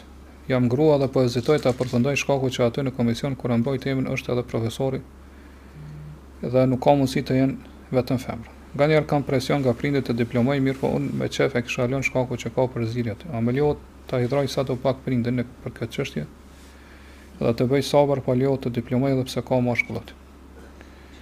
Ë është mirë, në këtë rast përderisa ka ë domethënë nuk ka vetmim, Po në është ai mashkull mirëpo ka dhe femra tjera, është mirë me shku me dikon prej mahremave tu. Domethonë me burrin tonë ose nëse e martume ose vllaun, ose prindin këtë rast babën, e kështu me radhë ose axhën, që mos me tra domethonë ti me kanë aty vetëm pa mahrem, edhe me mbrojt të imen e blomës, inshallah nuk ka të keqe, qysh kanë dhonë përgjigje disa dijetarë, pra nëse gruja i ka kry fakultetin, i ka met vetëm disa provime, edhe i duhet me i dhon te profesori atëherë shkon me burrë të saj ose me vëlla të saj edhe i jep pra që mos me pas vetmim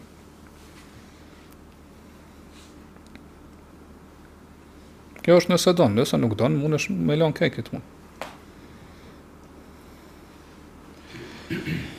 Nëse shoqja ime punon si rrobaqepëse për rroba fetare, vendi ku punon është një lokal i vogël me disa gra të tjera. Shefin e ka mashkull, Edhe ai çdo ditë hyn aty ju flet. Ndonjëherë bën shaka, ju tregon si me punu dhe ka edhe raste ku ju shkruan privat në telefon për ndonjë çështje. Gjithashtu ka kamera përmes së cilave i shikon punëtorët. E ka të lejuar shoqja të punojë aty apo duhet të lejë punën shkaku që e ka shefin mashkull. E vetmja arsye pse po heziton është shkaku që po ka frikë mos nuk mundet mi përballu fjalën nga prindërit se pse e le një punë. Sa i përket kësaj, nuk duhet me qenë kjo pengesë. Po prindërit mundën me fol, mirëpo Allahu subhanahu wa taala e lehtëson. Për arsye se pejgamberi sallallahu alajhi wasallam ka thënë kush e lën një punë për hir të Allahut, Allahu ja zëvendëson me diçka më të mirë. Pra, nëse e lën për hir të Allahut punën, edhe pse në fillim mundet me pas e, fjalë ose mundet me pas ofendime ose domethonë kundërshtime prej prindërve, Patjetër që Allahu ka me ja zëvendësu me një e, punë ose një lehtësim më të mirë, domethënë ku është halal dhe s'ka me bë haram dhe kështu me radhë. Për sa përderisa çështja është kështu qysh u përshkru n'pyetje, domethënë unë nuk kisha thonë që me vazhdu me punu aty. Përderisa shefi hin aty përzihet, ju flet, domethënë lëshon domethënë shtosa kështu me radhë, atëherë nuk kisha thonë që me punu këtu.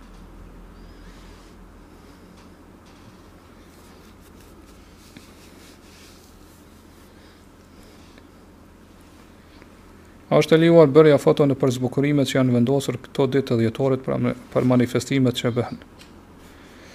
Pasi ka shumë motra vëllezër që e bëjnë këtë. Nëse jo, çfarë këshille mund të japë? Përderisa këto zbukurimet po bëhen për shkak të festave që janë të ndaluara në Islam, atëherë besimtari nuk duhet që me shku me dalë në fotografi aty, ngase kjo i bjen një lloj miratimi, dmth ti po i pranon dhe po i, po i miraton dhe po knaqesh me ato zbukurime. Që që ti nuk ban me u knaq me ato zbukurime, ngase ato simbolizojnë festa që janë haram dhe që janë kufër madje. Ngase njëra prej këtyre festave, siç e dimë, pohon që në këtë ditë ka lind djali i Zotit. Kurse Allah subhanahu wa taala ka treguar që e, kur njerëzit e kanë thënë këtë fjalë, që Allah ka fëmijë, atëherë domethon qielli e toka qielli e toka gati sa nuk janë coptu dhe nuk janë ça. Edhe malet sa nuk gati sa nuk nuk janë thërmu. Për shkak domethon që është fjalë shumë e shëmtuar, shumë e rëndë. Edhe njëra prej këtyre festave po e tregon këtë gjë. Prandaj ti qysh ka mundësi që zbukurimet që janë bërë për këtë festë me i dashtë edhe me shku, domethonë, me u ni mirë dhe domethonë i gëzu shumë edhe me dalë fotografi me to. Kjo tregon që domethonë imani edhe feja është e dobët në këtë rast.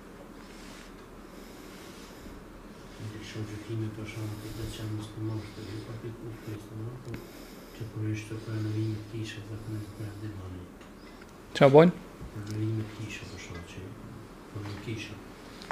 Du duhet me i tregu që nuk bën. Është haram. Se aty i bëhet shirk Allahut. Nuk duhet me me punu aty.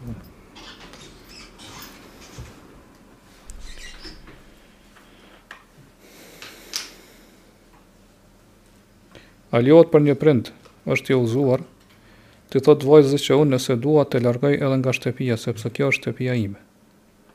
Domethënë, a ka dhe vajza hise në atë shtëpi? E a ka hak një pjesë të pasurisë dhe vajza dhe a bën gjynah prindi apo vllau nëse ia mohojnë atë të drejtë?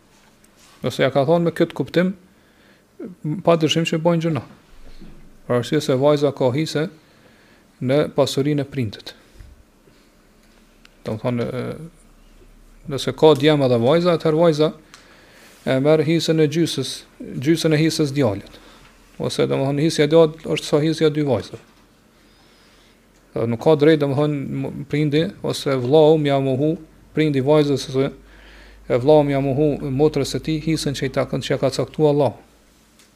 Ngase kjo është kundërshtim direkt i ligjeve të Allahut edhe është gjynah, është mëkat. Dhe nuk lejohet domethonë që për muslimanin që me punu me ligje të kanunit që janë te na që ia mohojnë vajzës trashëgimin. Ngase kjo është kundërshtim me, me fenë e Allahut. Andaj, nëse ka thonë me këtë kuptim, atëherë ka bo pa të pa dyshim që është gjynah, dhe nuk, nuk bën me thonë këtë fjalë.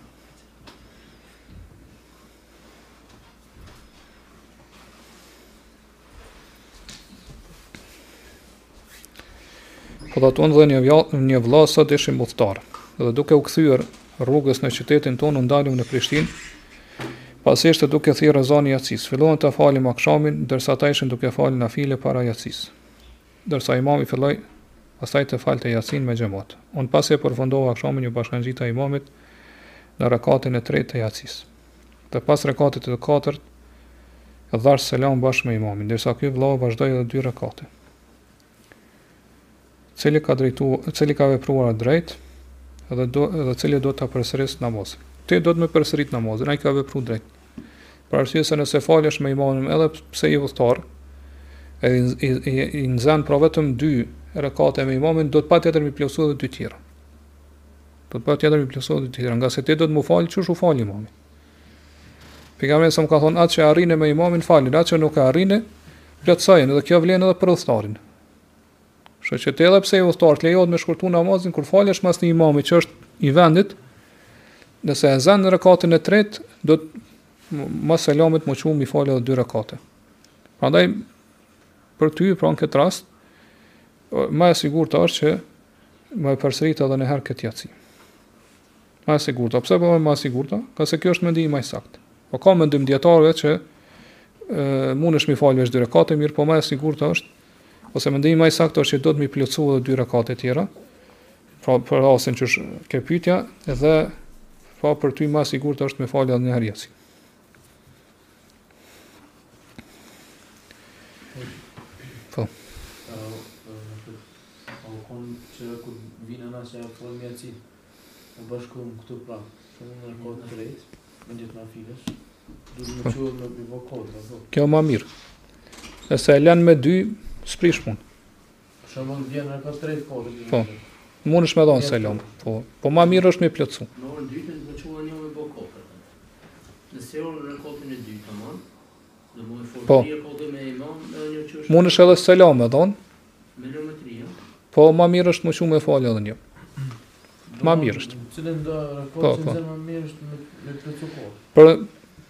Tash po, se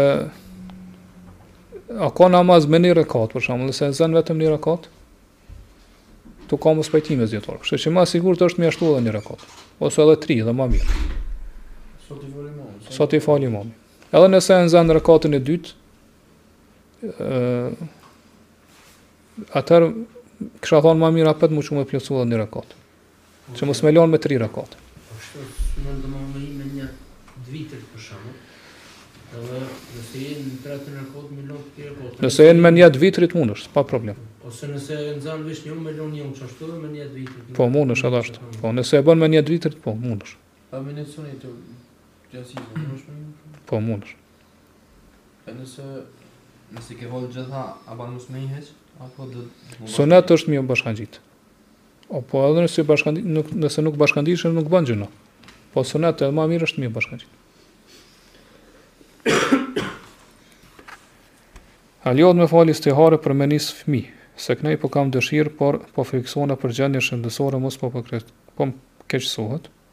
Pasi jam me disa ankesa të unazave të cilat me shtatzëni mu pat shfaq ma shumë problem ose për shkak që fëmija i parë është ende i vogël dhe shumë aktiv po një anë si dihet a bëhet hajr shtatzënia mu përmisu shëndeti e jo mu keqësu Edhe kështu me shtu pasardhësit. Po ashtu, Allahu alem, por frika qëndron edhe për shkak arsyeve të cekura. Andaj a lejohet ta falë nëse veç vendosi që me qenë hajr e me beku këtë vendim Allahu. Nuk ka të keqe, inshallah me, me falë istihare, për këtë arsye, për, arsye, për shkak se istiharja falet edhe në rastet qysh kanë thonë disa dijetarë, edhe në rastet kur një punë është hajr. se ti se din që çka ka me kanë. Sidomos nëse ka kësi, që i ka n'zor këto frikat ose këto problemet shëndetsore që gruja nuk e din a ka me përballu shtatzaninë apo jo, nuk ka të keqe që me, me bo istihare, që Allahu, domethonë, nëse është hajër, me ia mundësu me metë shtatzanë edhe me lindë, edhe domethonë me shku e, shtatzania, domethonë ma s'miri ç'është, ose pa probleme, pa probleme të mdhaja. Pra istiharja bëhet edhe në rastet kur njeriu është në dyshim çfarë me vepru, po edhe në rastet kur e din deri dikun që vepra është e mirë. E ka, s'është problem për to, mirëpo nuk e din a, a mundet me e realizu apo jo. Kështu që në këtë rast hin kjo e dyta, domethënë istiharja, mundesh me bo inshallah istihare. Edhe nëse mirë është me shëndet këtë rast. Po, disa dietarë thonë edhe kur është mirë me shëndet, po. Se s'e din qysh ka me konë.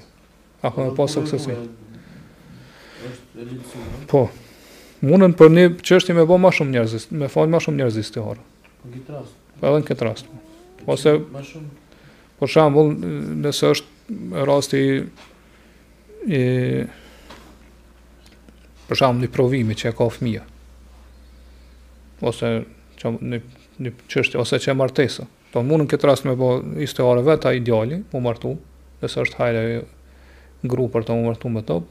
Po gjithashtu edhe edhe baba edhe nana. Edhe vllau pastaj mundet me bo istihare. Këtë mundën me bo istihare për të. S'prish punë.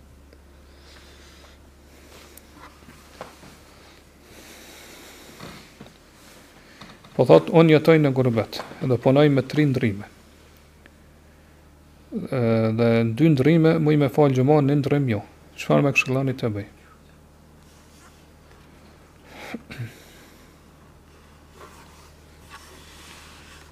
Kuptohet, domethënë që muslimani do të mundohet domethënë që xhumat m'i falë të gjitha. Edhe vetëm rastet shumë të domosdoshme nëse i ik xhumaja, inshallah nuk ka,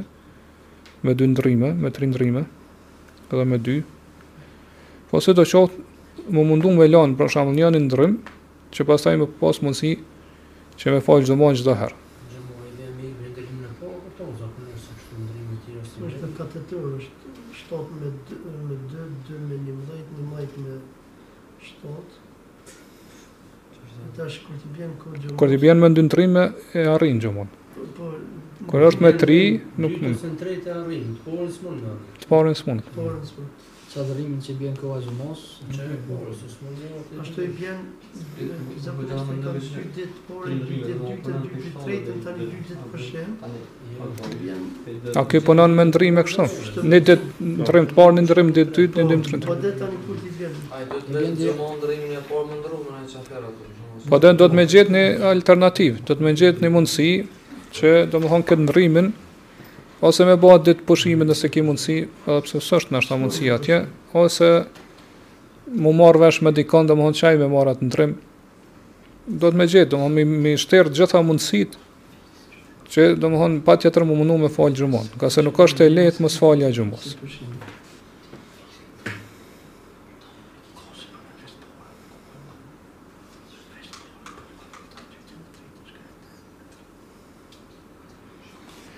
Po thotë, unë jetoj në gurbet me grun. Babai më ka vdek dhe nëna jeton në Kosovë. Pyetja është a e kam haram që e kam lonë vetëm, edhe pse këmbëngulja ka qenë e nanës që të dal jashtë në gurbet dhe me i thanë tani që po kthehem më thotë jo, se s'ta bëj hallall. Varet, nëse nana ka nevojë me u kujdes për to, e, edhe ka nevojë me qëndru afër saj, e kështu me radhë, atëherë do të mu kthy, edhe pse ajo thotë rri aty. Se nganjëherë nanat e dim që ato e thonë një fjalë që ndoshta nuk e kan për qëllim. Po vetëm ngase e thonë për shkak se i duket që kjo është në të mirën tonë dhe të familjes tonë. A vet pse vun ose pse hek nuk e ka problem.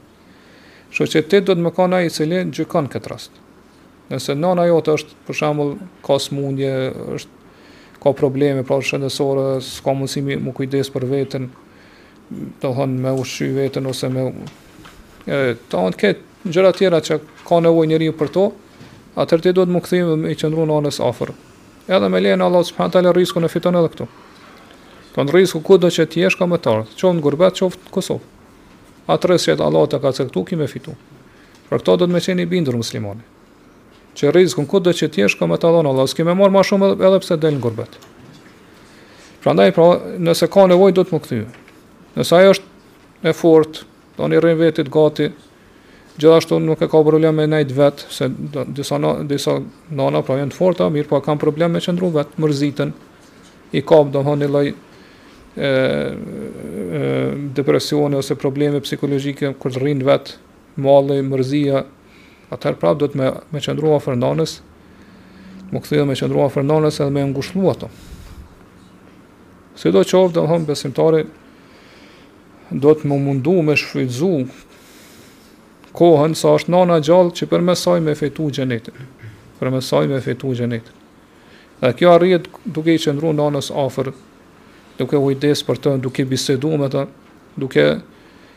e domthon duke diskutuar me të gjëra të ndryshme, kështu me radhë duke ia larguar mërzinë, pikëllimin. Ka se domthon nana tash Allah din cili vdes përpara, mirëpo. Domthon nana shkon shumë shpejt, edhe të mbyllet një derë përmes cilës e fiton xhenetin. Kështu që nuk do të me vendosë në plan të parë riskun përpara kënaqësisë të nanës. Po nëse e ke arrit kënaqësinë e nënës, e ke arrit kënaqësinë e Allahut. Nëse Allah këna, është i kënaqur me ty, Allah ka me dhënë sukses për çdo gjë në jetë. Po edhe ka me t'i hap dyert e riskut. Edhe nëse je në Kosovë. Përderisa Allah është i kënaqur me ty, për shkak se ti e ke e ke kënaqur nonën tonde. Atëherë Allahu domethënë ka me ta lehtësu çështjet, ka me dhon sukses edhe në çështjet e dunjos.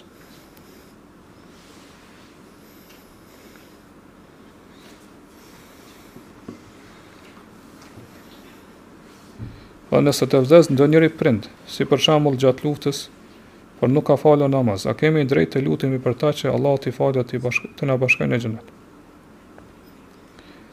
Dhe çka nënkupton hadithi që pejgamberi a.s. ka thënë që Allah do t'i nxjerrë nga, xhe, nga zjarri i xhehenemit me besim sa grimca e atomit. A nënkupton kjo Ata që s'kanë falë namaz, s'kanë agjeruar, po kanë besuar në Allah. Sa i përket çështjes namazit, e kemi shpjegu këtë shumë herë, dhe ai që vdes pa namaz, a, a është musliman apo jo, rahimekallah. Mirëpo, kemi thënë që mendimi më i saktë që është mendimi i shumicës dijetarëve është që nëse nuk e ka mohu obligueshmërinë e namazit, por e ka dit që namazin e ka borxh, edhe ka obligim me fal. Mirëpo nuk u fal për shkak të neglizhencës, E kështu me radhë atëherë është musliman. Edhe nëse ka vdek n'këtë gjendje është musliman edhe lejohet, madje duhet m'u lut për të, ngase ai ka nevojë shumë m'u lut për të, për shkak të gjynahit të madh që e ka bërë që nuk u fal. Ngase mosfalja është gjynahi më i madh mas shirkut. Kështu që duhet lutu për të sa më shumë që Allahu me fal me mëshiru. Edhe nuk ka të keqe me lut që Allahu me të bashku me të n'xhenet. Përderisa ka vdek si musliman. Ndërsa kuptimi i hadithit pejgamberit a.s. që ka pas iman sa grimca në zemër do të dalë prej zjarrit të xhehenemit, nuk është për qëllim që nuk ka bo kurrë punë të mira. Mirëpo ka pas iman shumë t'dobët edhe pak punë të mira. Ngase nuk ka iman pa punë të mira. Po nëse dikush ka iman, patjetër ka me ba edhe punë të mira. Po te ehlu suneti, besimi është me besu me gjuhë, dhe me besu me zemër, me, me shprej me gjuhë dhe me vepru me gjymtyrë. Këto tri komponente e përbajnë imanin, nuk ndahen prej njëna-tjetrës. Kështu që nuk mund të imaginohet, nuk mund të paramendohet një person i cili ka besu, për shembull, ka qenë besimtar, ose musliman, 60 vjet edhe s'ka bo kurrë punë të mira. Kjo në realitet nuk ekziston. Mirëpo, nëse ekziston, Nëse, prapë thamë, është një gjë që është vështirë me gjet, domethënë n'realitet një person të këtillë. Mirëpo nëse ekziston, atëherë, domethënë nuk llogaritet besimtar. Se besimtari patjetër duhet që me ba dhe punë të mirë. Kështu që, sa i përket kësaj që, e, e, pra, duhet patjetër me pas punë të mira, këtu është ai mospajtimi mes dijetarëve. A është patjetër me pas punë të mirë, është për qëllim namazi, Apo është për qëllim obligimet tjera, të cilat na i bën obligim feja? Në kuptimin që çdo obligim që e kryn për hir të Allahut, ti realisht e ke ba një vepër të mirë, edhe inshallah domethënë, herdokur ki me shpëtu në botën tjetër. Edhe nëse dënohesh me zjarr, ki me dalë prej zjarrit. Qysh thamë disa dijetarë, thonë jo, te veprat e mira, patjetër duhet me konë namazi. Kurse shumica e dijetarëve thonë nuk është patjetër me kon namaz, mundet me kon një vepër tjetër prej obligimeve të fesë, qysh është për shembull agjërimi apo ë kujdesi ndaj prindve, nëse e kryen si obligim për hir të Allahut, edhe që Allahu ka bo obligim edhe ti e kryen. Apo disa dijetarë thonë edhe largimi prej harameve, për shembull nëse nuk pin alkool për hir të Allahut ose nuk konsumon mish derri për hir të Allahut, edhe kjo domthonë është vepër, Që është tham, sipas mendimit ma t'sakt llogaritet vepër. Prandaj kjo është inshallah kuptimi ma i saktë i hadithit.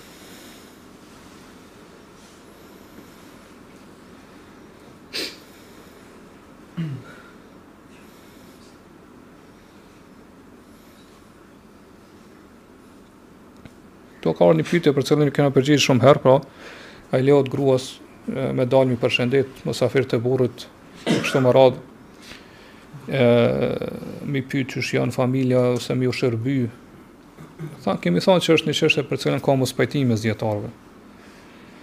ë domethënë disa dijetarë e lejojnë edhe disa dijetarë e ndalojnë, por edhe ata të cilët e lejojnë e lejojnë me kushte kaq strikte, pra që Gruaja me kanë e mbuluar sipas mbulesës islame, pastaj me pas vetëm fjalë të duhura, me thonë, ë domthon mos me pas fjalë të tepruome me të. Pra veç thjesht çfarë është e nevojshme. E kështu me radhë, pra me ul shikimin, mos me shiku, domthon si nga ana e musafirëve, si nga ana e saj me ul shikimin e kështu me radhë. Dhe kushtet që ndoshta te na edhe është vështirë të plotësohen. Ndërsa disa dijetarë e ndalojnë, edhe thonë që gruja nuk bon me dalë me ju shërby musafirve të burrit, burri është aj vetë që ju shërben. Nëse i ka djemtë e rritur, shërbejnë djemtë e tij, për shembull. Mirëpo jo gruja. Dhe nëse kthehemi te hadithet e pejgamberit, sa thonë, ka raste që gratë e sahabive i kanë shërby pejgamberit sa më dhe sahabëve tjerë. Prandaj këta dijetarët e mendimit të parë janë bazuar në këtë në këtë gjë, mirëpo kanë thonë ata janë kon sahabe. Pra që ato edhe nëse ka ndodhur kësi shërbimi, ato do të thonë ata ju kanë përmbajt rregullit islam, pra ata e kanë ul shikimin. Nuk e kanë shikuar gruan e huaj për shembull, kah ka shërben. Gjë që te na është është vështirë me me ndodh kjo. Gjithashtu domethënë nuk kanë bë, nuk kanë fol fjalë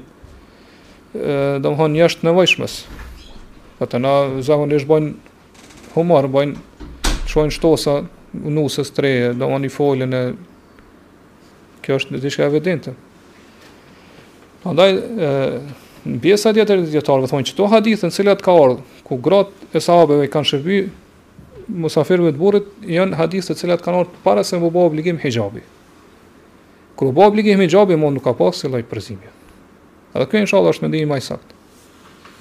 Sido qoftë, domethënë ka mospajtim mes dijetarëve. Si është dispozita e umrës në Islam? A është obligim sikurse haxhi?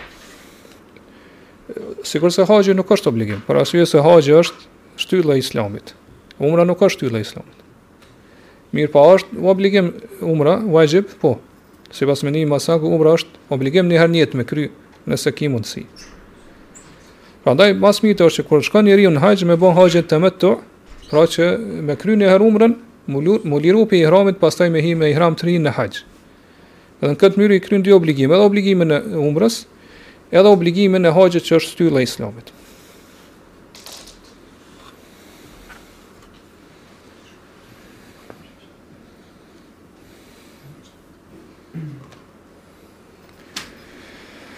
po thot rregulli që është në Islam domosdoshmëria e lejon të ndaluara. Ne e dimë që në raste të domosdoshme Allah ka leju për një çështje madhore, ma madhore siç është me shpëtu jetën tonë që mos me vdek nëse sprovohemi lejohet që me pi me pi pak prej alkoolit ose me ngrënë mish mishin e coftinës apo derrit.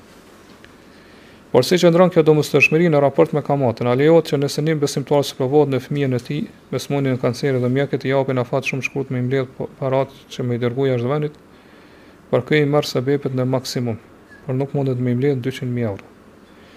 Që i nëse nuk mundet me i tërë a i lejohet muslimanit nëse nuk mundet me i gjet borxh shumën e mbetur që me hi n'kredit?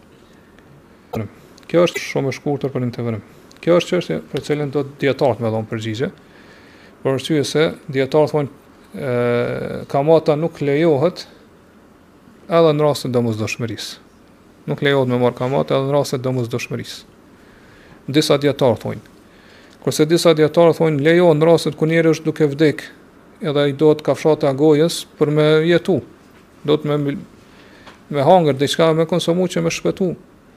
Përndryshe vdes, ata në këtë rastin kanë leju. Prandaj është çështje që ka mospajtim mes dijetarëve, a hyn këtu edhe rasti kur ka të bëjë me operim. Disa dijetarë kanë thonë nuk hyn për arsye se nuk është e sigurt. Do të thonë ai që është prej kanceri nuk është e sigurt që ka me jetu. Se në shumicën e rasteve vdesin. Prandaj nuk mundemi me thonë që është e domosdoshme patjetër që në kuptimin që nëse merr ka, kamatë ai ka me shpëtu. Pra se është e dyshimtë a ka me shpëtu apo jo. Prandaj është një çështje që ka mospajtim mes dijetarëve dhe nuk muj me dhon këtu përgjigje. Prandaj është mirë që këtë pyetje mundësisht përmes ndonjë hoxhe që është duke studiu jashtë atje, në vendet arabe, në Medine, apo në Riad, me i pyt dijetarët e mdhajt aty në vendet dhe me marrë një përgjigje ma të shpejtë.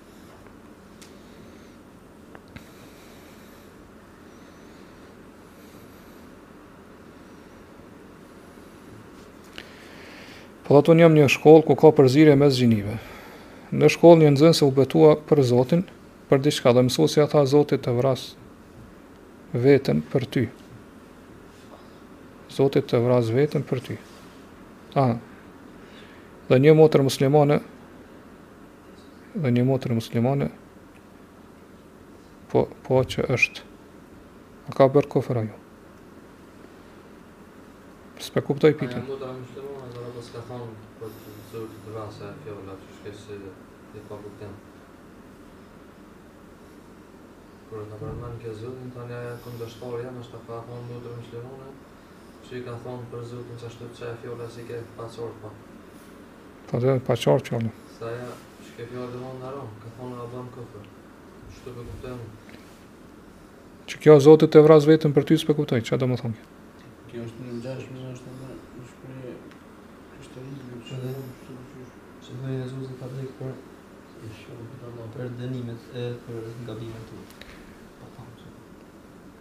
Jo, është mirë me sqaru më shumë se është e paqartë.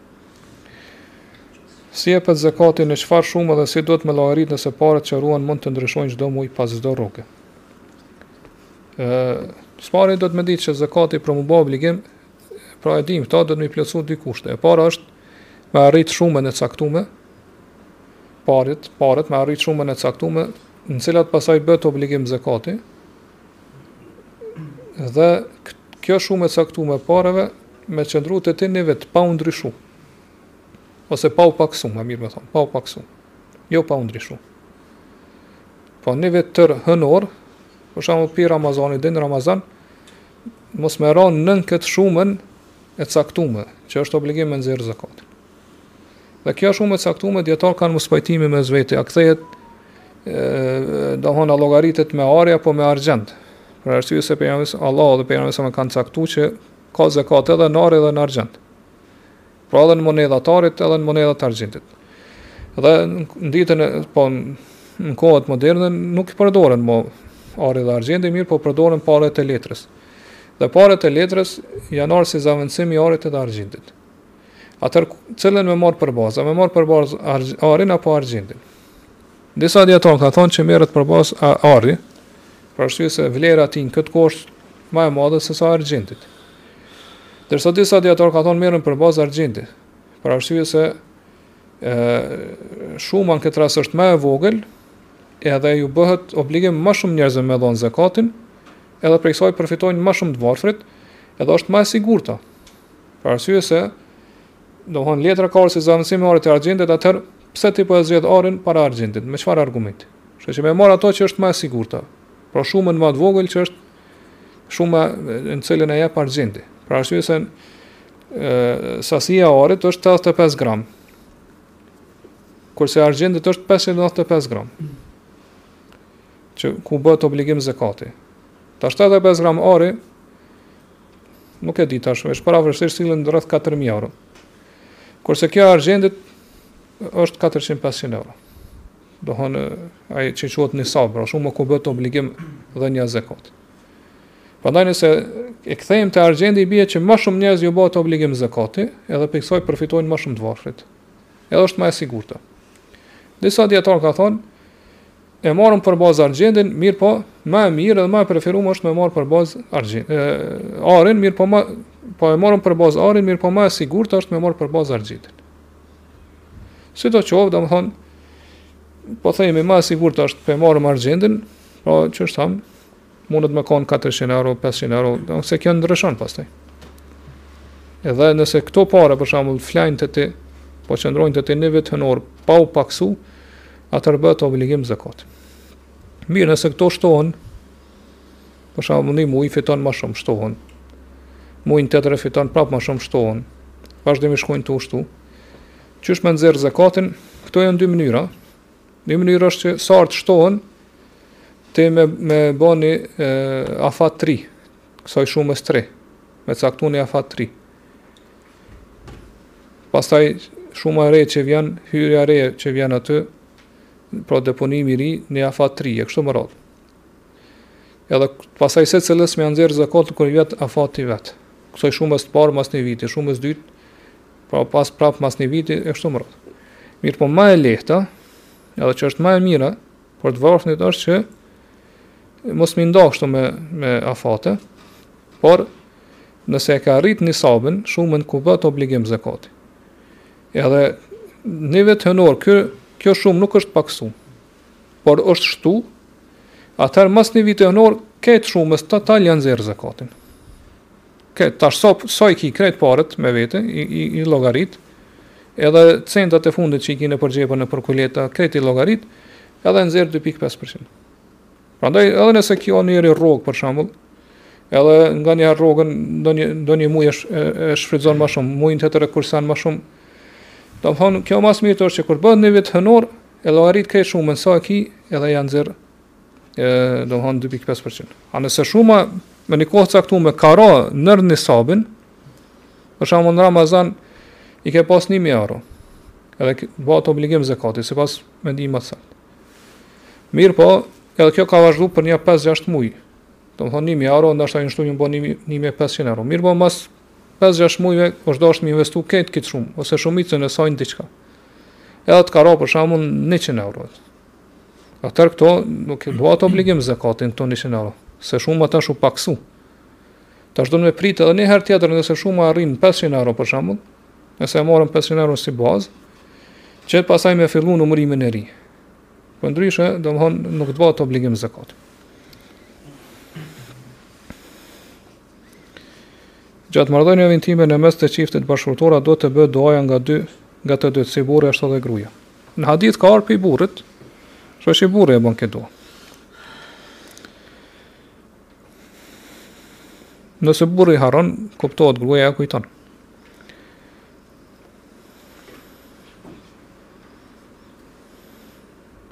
Si duhet të reagojmë nëse në shoqërinë e punës kemi kolegë, kolegë të ehlil kitabit dhe të tjerë ateistë dhe ata përshëndetin me selam alejkum a do t'ja kthejmë njëjtë Apo si? Apo ka dhe mendime djetare që nëse thonë direkt esselamu alejkum pa ndonjë qëllim të keq, lejohet t'ia kthejmë njëjtë si muslimanëve. Po, është ky mendim i dijetarëve, domethënë që lejohet me ia kthy selamin atij që e jep. Nëse, Pejgamberi a.s. kur ka thënë, nëse ata ju japin selam, ju thoni we alejkum, kjo është në rastet kur e, ata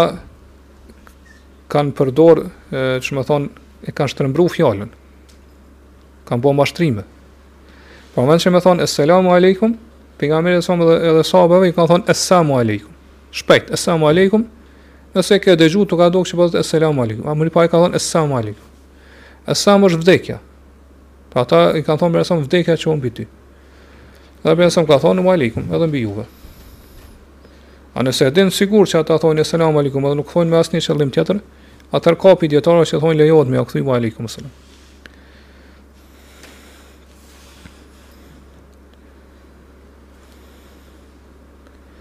Hoxhë, kam një libër me komentime të ajeteve të Kuranit, që mbrenda tij ka sura të Kuranit pra në gjuhën arabe si dhe ka përkthim në gjuhën shqipe. Lejohet që ky libër të lexohet pa abdes. Lejohet inshallah m'u lexu pa abdes, ngase mendimi më i saktë i dijetarëve është që edhe Kur'ani lejohet m'u lexu pa abdes. A se më mirë është me abdes? Po, gjithë dijetarët kanë pajtueshmëri që Kur'anin më mirë është me lexu me abdes. Mirëpo, nëse s'ki abdes, a duhet patjetër me marrë abdes? Ky është një mendim i dijetarëve, mirëpo e sakta inshallah është që lejohet pa abdes. Edhe libri që është me tefsir lejohet me lexu pa abdes.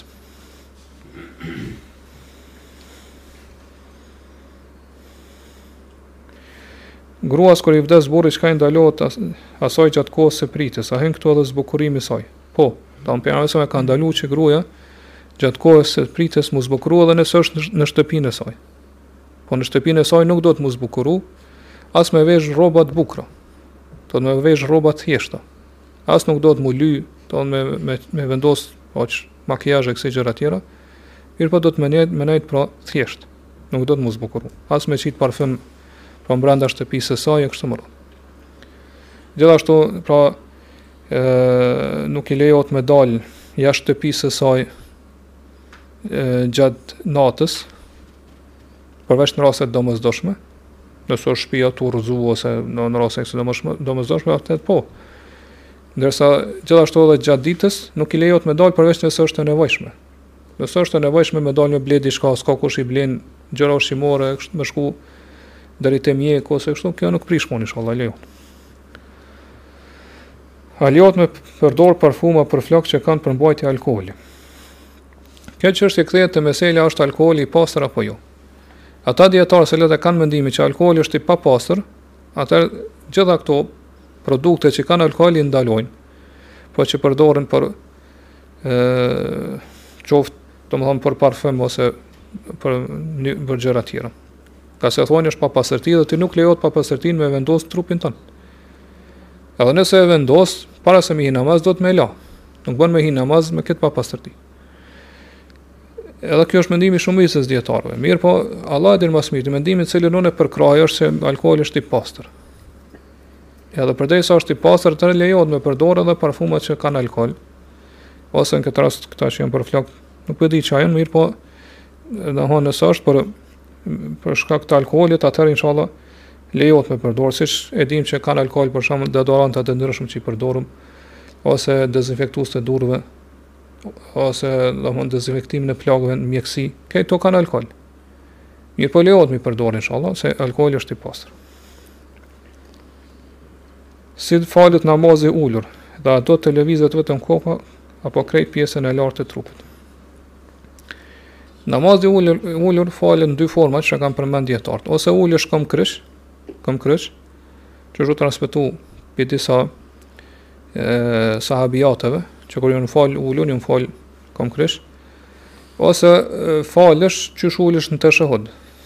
Të ulesh, domethënë ashtu qysh është ulja e teshehudit. Teshehudit të parë është fjala. Cilën ta praktikosh nuk prish punë. Kjo është kur të ulesh n'tokë. Nëse s'mundesh m'u falë ulun n'tokë, atëherë ban m'u falë ulun n'karrige ose në kauç ose në dohën se gjëra tjera. Ndërsa, a duhet me lëviz vetëm kokën apo trupin, tash kjo çështje kthehet te meseleja, që nëse fal falesh ulun a duhet me i praktiku ato obligim ato obligime ose shtyllat e namazit që kum, ki mundësi me i praktiku aq sa ki mundësi apo jo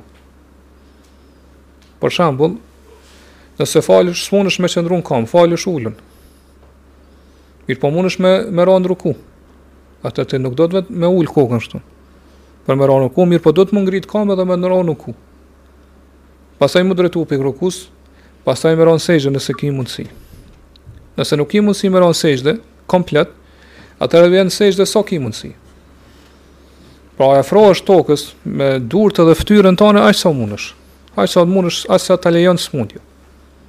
Kjo është mendimi më i saktë, edhe pse ka mendime dijetarë që thonë kur falesh ulun atëherë bijnë këto shtyllat e namazit. Përderisa o ra, pra shtylla e qëndrimit në kamë, atëherë ato që vijnë mas saj bijnë. Po mundesh edhe për ruku me, me vetëm me bo m'shenjë me kokë, edhe për sexhde vetëm me bo m'shenjë me kokë, e kështu me radhë. Mirëpo mendimi ma i sigurt është që nëse ki mundësi me kry diçka prej shtyllave të namazit duhet me kry, edhe pse falesh ulur. Po dikush nuk mundet me qëndru në kamë, mirëpo mundet me ba rukunë, atëherë duhet m'u çu në kamë edhe me ba rukunë.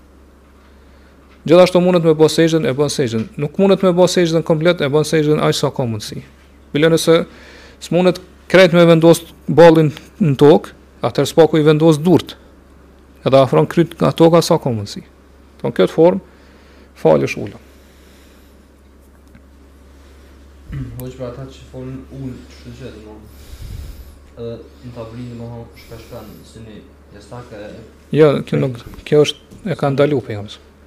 Po ai që falet ulur, që s'ka mundësi me ra n'sexhde, domethonë nuk vendos jastëk ose me, me qitë kryn në tavolinë, jo, domethonë veç ul kokën.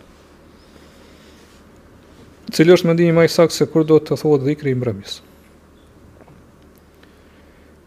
Mendimi ma i saktë është që duhet me thonë prej mas ikindisë deri në aksham. Kjo është koha ma e mirë për me thonë dhikrin e mbrëmjes. Mirëpo nëse nuk arrin me thonë këtë kohë, bën me thonë mas akshamit. Deri kur mas akshamit, disa dijetarë kanë thonë deri kur të hin koha e jacisë. Ka kohë. Ndërsa disa tjerë kanë thonë deri në gjysmën e natës. Sidoqoftë, domethënë është mirë me bo sa ma afër akshamit. qoftë nëse e bën përpara ose mbrapa akshamit, me bë sa më afër akshamit. Kur t'i themi dhikret e mëngjesit dhe mbrëmjes ashtu, ashtu si ceken në mburojën e muslimanit duhet me i thonë me radhë ashtu siç janë të radhitun në libra apo me përzi radhitjen. Me përzi radhitjen. Nuk i thu me radhë, për arsye se nuk ka argument prej Pejgamberit a.s që duhet me iu përmbajt radhitjes.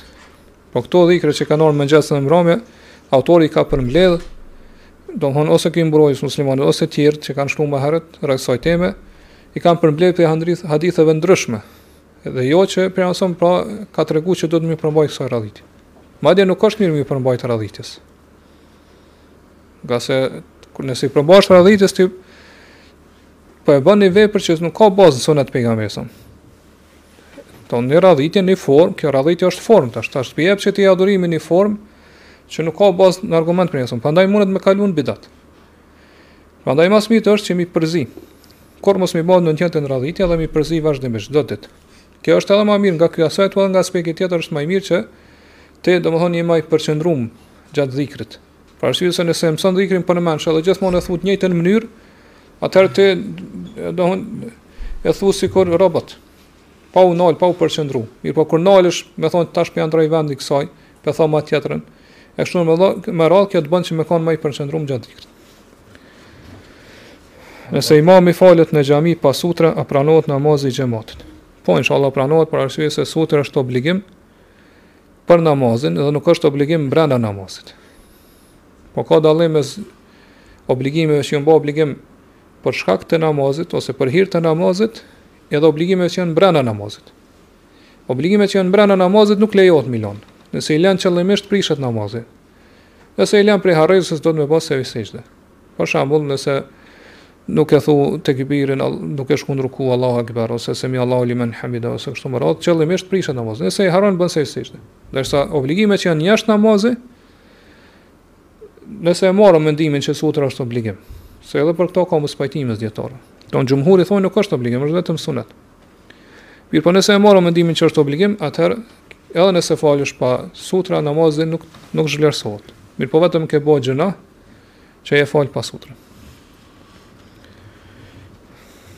A bëjmë gjynah nëse nuk e falim salati vitrin nga përtesa nganjëherë, pra e lajmë e falim mas sabahit. Jo, nuk bën gjynah për arsye se salatul vitri është sunet. Edhe nëse nuk e fal, nuk bën gjynah. Mirëpo nuk është mirë me lënë pa fal salatul vitrin. Për arsye se kanë ardhë hadithe që tregojnë se është e, sunet i fort. Pra, te falja e namazit të vitrit është sunet i fort. E disa dijetarë kanë mendimin që është vaxhib, që është obligim, siç e dimë pra hanefit. E disa dijetarë si shejhul islam Ibn Tejmije, thonë është obligim për atë i cili është i vazhdueshëm në faljen e namazit të vitrit, ai nëse e lën bën gjynah. Po është obligim për këtë person. Po. Te radhitja e dhikrit, a vlen kjo gjatë mas namazit dhe mos që bën? Po. Edhe ajo do me ndryshu pra. Po. Një këshillë për burrat që shikojnë gratë e huaja, sidomos në rrjete sociale. A, kjo është temë e gjonë, do më ka argumente të shumta, që tregojnë se pra është e ndalume me i shiku gratë e huja. Allahu subhanehu ve teala na ka urdhnu në Kuran, po burrat edhe gratë, po edhe burat, po s'pari burrat, ka thënë kul lil mu'minine jeguddu min ebsarihim, thuaju besimtarëve le të ulin shikimet e, e tyre. Po, besimtari ka obligim me me ul shikimin edhe mos me kqyr gratë e huaja. Edhe nuk ka dallim a i kqyr në rrugë apo i kqyr në rrjete sociale. Njëjtën dispozitë ka. Madje në rrjete sociale, ndoshta njeri mund me bo gjynah ma shumë, se sa në rrugë. Ngase në rrugë i shikon ndoshta një kohë të shkurtë edhe shkojnë, edhe s'rrinë gjithmonë aty. Në rrjete sociale i ka vazhdimisht aty. Andaj ka prej dijetarëve, që ka përmend Shejhul Islami, Ibn Tejmija që të disa muslimanë, shikimi në haram, është ma i dëmshëm për fenë e tij, se, për fenë e tyne sesa zinaja. Kur shikojnë haram, e dëmton ma shumë imanin dhe fenë e tij, sesa me bo zina Allahu na rujt, zinaja është, se, si që e dimë prej gjynaheve të mëdha. Edhe domethënë është mëkat i madh, dihet domethënë kërcënimet që kanë ardhur për zinanë dhe për zinaqarët. Mirëpo te dikush shikimi në haram e dëmton më shumë zemrën e tij dhe fenë e tij sesa sesa me pas ba zina. Prandaj pra kjo është një gjynah shumë i rrezikshëm që pra besimtari duhet me duhet me me pas parasysh që me u rujt prej saj. Dhe me nejt gjithmonë vetë i gati me ja kujtu vetes çdo mëngjes kur del prej shtëpis që domethënë, Allah është duke më pa, Allah është duke është mbikëqyrës mbi mu, edhe domethënë ta uli shikimin, ta ruj shikimin, gjithashtu kur hin në rrjete sociale para se me hi me ja kujtu vetes këtë gjë. Që Allah është duke të pa se çka je, çka je duke lexuar ti, çka je duke shikuar. Kjo inshallah ndihmon shumë që me u rujt pastaj. prej këtyre gjërave. Dhe duhet me ditë që, që siç kanë thonë dijetarët, shikimi në haram është sikur i eturi që pin ujët e detit, ujët me kryp. Ai kurrë nuk e shun etjen e tij, sa ma shumë që pin ujët e detit, aq ma shumë i shtohet etja. Edhe shikimi në haram, sa ma shumë që kqyr, aq ma shumë shtohet dëshira Po nuk nuk shuhet dëshira pse ti po kqyr një herë ose dy në haram. Për përkundrazi Allahu na rujt ajo ka me u shtu edhe më shumë. Domthon ki me ki me u zhyt edhe më shumë në këtë mëkat edhe në këtë gjë.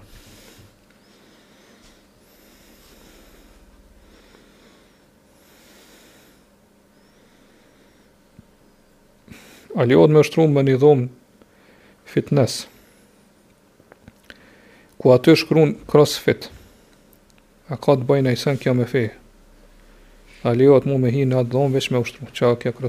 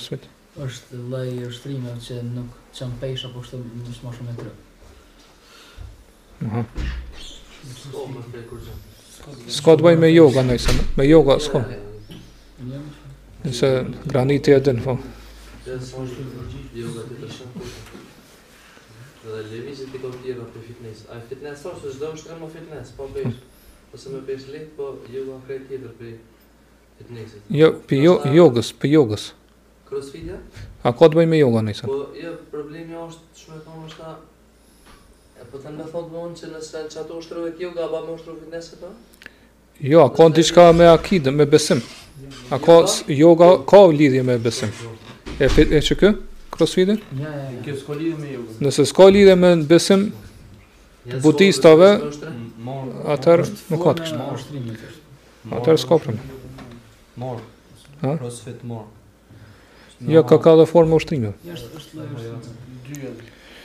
Po thotë kam probleme me urinë, dhe është thujse e pamundur që sa sa herë të hi me kry nevojën m'u pastru, se jes në tualet ma shumë se 30 minuta. E nganjëherë ndodhë që veç pak pastrohna. Tash nëse kam rrjedhje të urinës në trup, kur duhet me u pastru për m'u falë a mjafton me i gju ujë vendit, për shembull në kamë, nëse ka prek urina, a patjetër duhet me fërku vendin me ujë? Jo, nëse lahet papastërtia vetëm me hedhje të ujit mjafton inshallah, nuk është patjetër me fërku. Se pejgamberi sallallahu alejhi ve sel-lem pra ë në disa hadithe Janë të shumta që kanë dhënë këtë, po sidoqoftë, nëse papastërtia largohet vetëm me hedhje të ujit, që është këtë rast për shembull nëse ka pikë urine në kamë edhe veç hedh ujë pastrohet, mjafton, nuk ke nevojë me fërku. S'është obligim fërkim. A nëse nuk mjafton, atëherë duhet me fërku siç është rasti rrobave, ngase rroba me hedh ujë nuk pastrohet, duhet patjetër me fërku. Sidoqoftë, domethënë, ky problem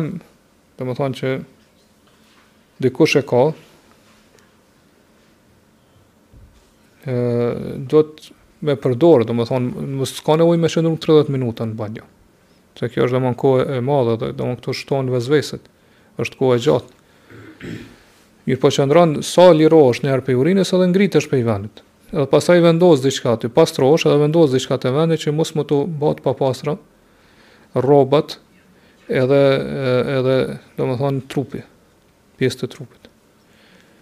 Dhe qysh duhet me u fal në këtë rast kush ka kësi probleme, që që ka urinim të pavullnetshëm. Dijetarët kanë thonë që e pret me hi koha namazit, domthon pastrohet prej urinës, vendos diçka te vendi aty, edhe merr abdes. Me atë abdes mundesh me u fal deri në namazin tjetër. Edhe nëse vazhdon me rrjedh urina, ti je i pastër, je me abdes. Përveç nëse e prish abdesin me diçka tjetër, liron gazra ose diçka, përndryshe, me, për shkak të rrjedhjes të urinës nuk, nuk të prishet abdesi. Domethanë abdesi prishet vetëm me hyrjen e kohës tjetër të namazit. Nëse s'e ke prish me diçka tjetër, që e prish abdesin. Kur hyn koha tjetër e namazit, e llogarit që t'u ka prish abdesi edhe vepron njëjtë, pastrohesh prej urinës e ndron atë letrën ose atë leckën që ke vendosur aty, e merr të pastër, e vendos Edhe pastaj merr abdes dhe falesh prapë deri në kohën tjetër të namazit. E me sa kam pa, domethënë, tash kam pa në disa vena që ka edhe kësi gjëra që blehen, që vendosen, që mos, domethënë, që e mbajnë urinën, që mos m'u përhap urina, domethënë, rroba ose në trupë. Kështu që nëse ke mundësi m'i ble ato është ma mirë m'i ble sesa me vendos letra ose se ajo është ma e sigurt domethënë që të mbron prej urinës. A lejohet me fal sabahun një orë pa lind dielli? Se këtu ku jetoj unë, sabahu lind 7.34, e koha kur hin sabahu është 5.47.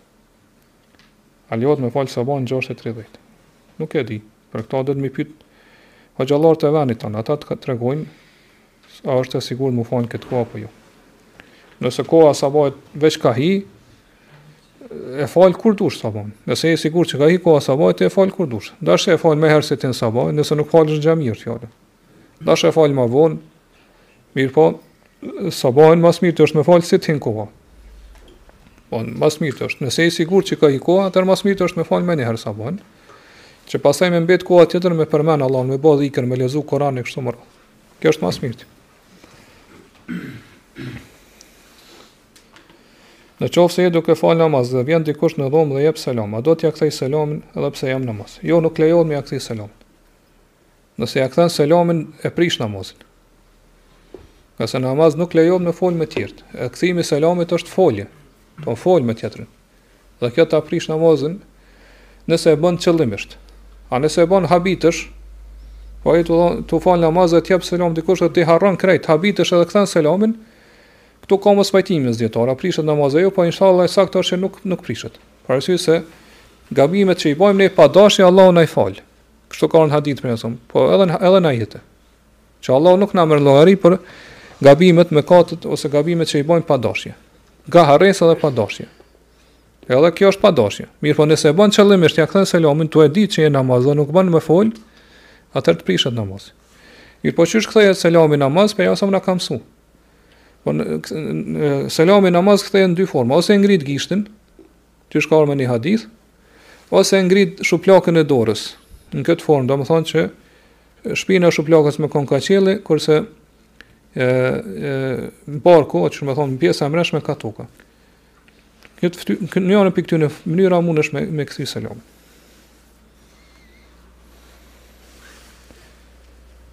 Për meshkuj është vaxhib apo sunet me falë namazin me xhemat në xhami.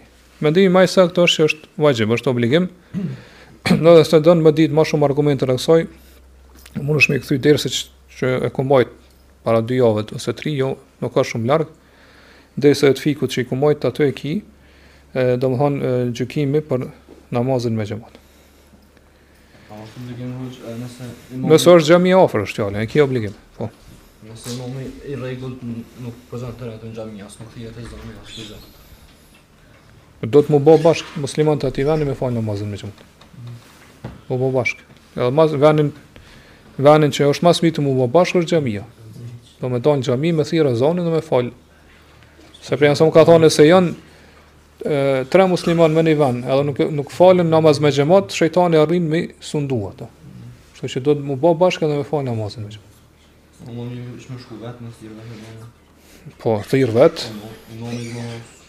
S'e pri, prish mun imamit, do në, ata duhet me marrë vesh që njani prej tyne me, me kanë imam.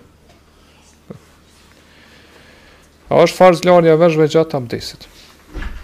Ka mospajtime mes dijetarëve n'këtë çështje. Mirëpo ma e sigurt është që m'i la, m'i, m'i fërku vesht, jo m'i la, se domethënë vesht fërkohen sikurse koka. Po ashtu qysh fërkohet ose fshihet koka, Me të njëjtin ujë, pa marrë ujë t'ri, i fshin vesht.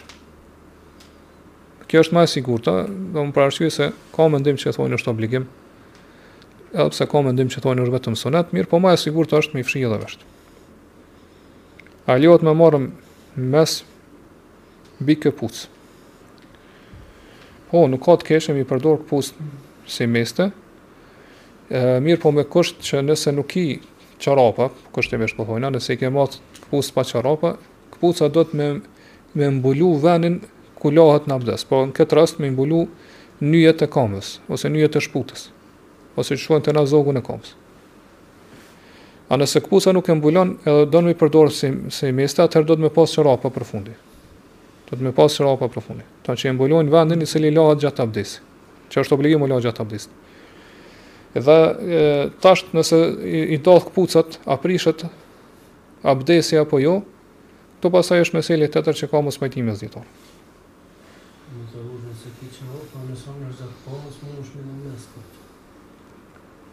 Po, nëse ki çorapa, që e mbulojnë zogun e komës. Ajo llogaritet komplet mest.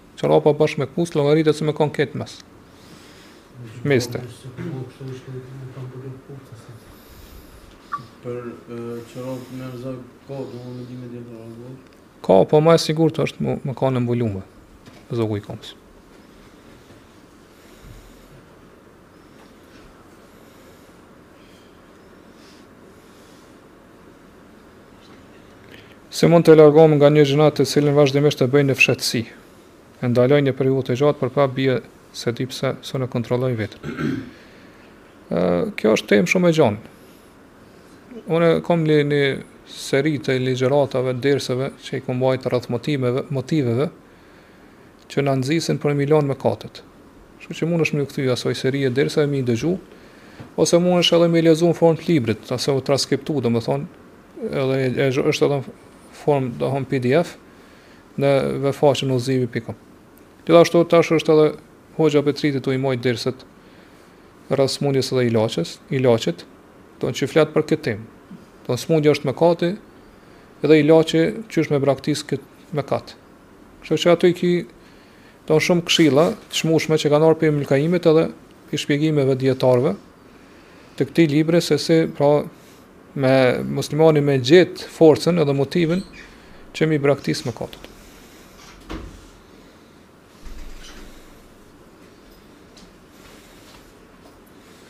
A lejohet të studioj në fakultet në Prishtinë në një drejtim që ka më shumë gra, por ka dhe meshkuj. Mjaft. Edhe në klasë edhe profa edhe përgjithësi ka përzirje. Normalisht fore dhe hajgare mes studentëve, përderisa ne edhe kur hymë në dyqane flasim me ndonjë burrë ose me shef.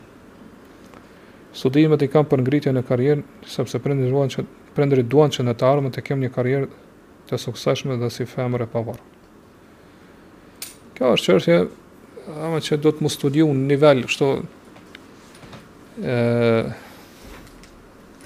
do me thënë t'umetit për cilën duhet me fol edhe kanë fol dijetarë të mëdhaj edhe për këtë arsye kanë dhënë mendime të ndryshme po kështu në parimisht nuk lejohet me studiu në vend ku ka përzierje njëjtë domethënë nuk ka dallim si për burra si për femra edhe pse disa dijetarë i dallojnë burrat ose meshkujt, për arsye se thonë meshkujt e janë ruhen më shumë, nga se e, zakonisht, pra, meshkujt janë ata që ju shkojnë pas femrave. Edhe femra është më e rrezikuar, kurse mashkulli nëse e ndal veten është më i rujtur. Edhe pse në bazë asaj që kam dëgjuar, te ne kjo nuk vlen, për arsye se tash ka ardh koha që femrat po i shkojnë përmas meshkujve. Edhe meshkujt janë më të rrezikuar se sa femrat. Së paku kështu e kom dëgju, s'di sa është e vërtetë. Prandaj, domethënë, pra, si në parim, dispozita është e njëjtë, që nuk lejohet. Mirëpo a po lejohet, për dobi më të mdhaja, domethënë që ka me ia pa hajrin umeti atij personi, sa i rrezikohet feja atij, sa i rrezikohet domethënë me bo gjynahe, kështu me radhë, kjo është pasaj mesele që kërkon studime, hulumtime, me ardh me një përfundim, pra është vështirë me, me dhanë një përgjigje prej këtu.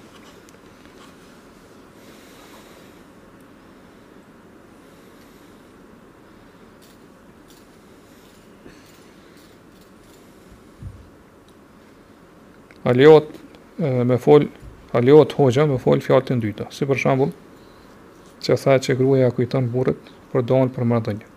Kjo s'është fjalë e ndytë, kjo është dispozitë. Domethonë me ja dispozitë, domethonë nëse e harron, mos me ardhë deri te domethonë që shejtani me marrë pjesë në atë marrëdhënie. Atëherë duhet me ia kujtu. Te këto kemë dispozitë, edhe kur kush fjala te dispozita. Atëherë nuk ka marre n'fe, çka thonë, për sa për me sqaru një dispozitë. Kuptohet, Domethonë është mirë që sa më shumë të përdor fjalë alternative, mos me fol, fol mos me përdor fjalë që janë direkte, që folin për gjëra intime. Mirëpo në ata që e thash unë nuk po, nuk po shoh që ka ndonjë fjalë direkte, domethonë ka kënë domethonë në rregull. A kanë bazë në sunetin e pejgamberit, a.s. këndimi i tri sureve të Kuranit, para se ta varrosim të vdekurin. Jo, Ibn Ibn Abdul Barr Allahu e mëshiroftë thotë se dijetarët kanë ixhma konsensus se leximi i Kuranit gjatë varrimit ose pas varrimit të vdekurit është bidat.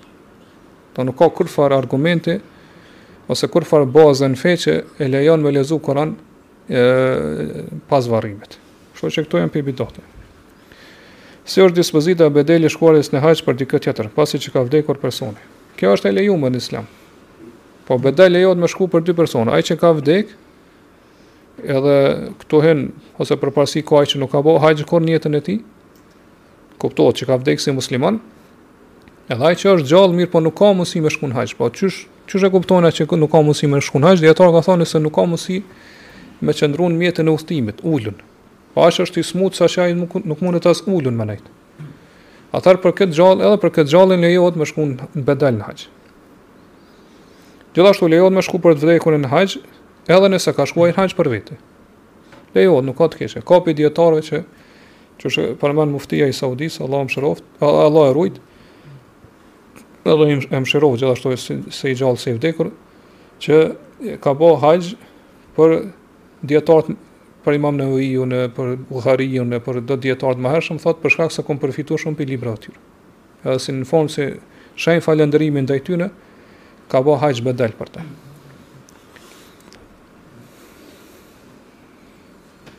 Si është dispozita për larjen e trupit me ujë të ftohtë çdo ditë, pasi që mjekët e kanë vërtetuar se të bën mirë për shëndetin.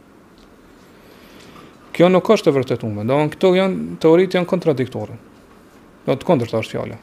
Disa thonë që është e dobishme, disa thonë nuk është e dobishme. Ka teori të kundërta që thonë është e dëmshme M'u la me ujë të ftoft. Kështu që domethënë kjo çështje, sa i përket fesë, nuk ka as argument që e preferon, as që e ndalon.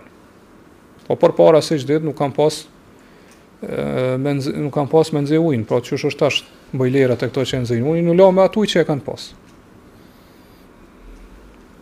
Domethënë as nuk u transmetuar që e kanë nxe ujin me zjarr për shembull. Mirëpo atje nuk ka mot të ftoft sikur te na, për shembull. Kështu që kjo çështje duhet m'u vërtetu mirë. Domethënë a ka dëme a s'ka dëme shëndetësore. A ka efekte anësore apo jo të dëmshme. Domethënë kjo që nuk është e dobishme për trupin është vetëm teori. Që disa mjekë e përkrahin ose disa studiues shkencëtarë e përkrahin, mirëpo disa tjerë kanë dalë me teori të kundërt që thonë jo, nuk është e dobishme, por po është e dëmshme. Prandaj nuk mujmë me, me thonë për këtë as që është e ndalume, as që është e lejume. Domethënë, kjo mbetet prej gjërave që janë mubah. Po përveç nëse njeriu e din për veten e tij që nëse lahet me ujë të ftoft dëmtohet, shëndeti i tij atëherë nuk bën me dëmtu. Pra me dëmtimi i shëndetit është haram. Nëse jemi tre burra me një shtëpi, shtëpi dhe xhamia është larg. A kemi obligim të mbledhemi të falim bashkë namazin në shtëpi? Po, nëse jeni mrena shtëpisë, keni obligim m'u fal bashkë. Ngase pejgamberi a.s. ka thonë që nëse janë tre veta me një vend, me një vendbanim, edhe nuk falen bashkë me xhemat atëherë shejtani arrin me ë me i sundu ata, arrin me i mposht. Po shejtani është ai që i udhëheq pastaj ata. Kështu që nëse jeni tre persona ose ma shumë, mrena në shtëpi duhet bashkë me fal namaz. Po me me bo me xhemat dhe me fal bashkë.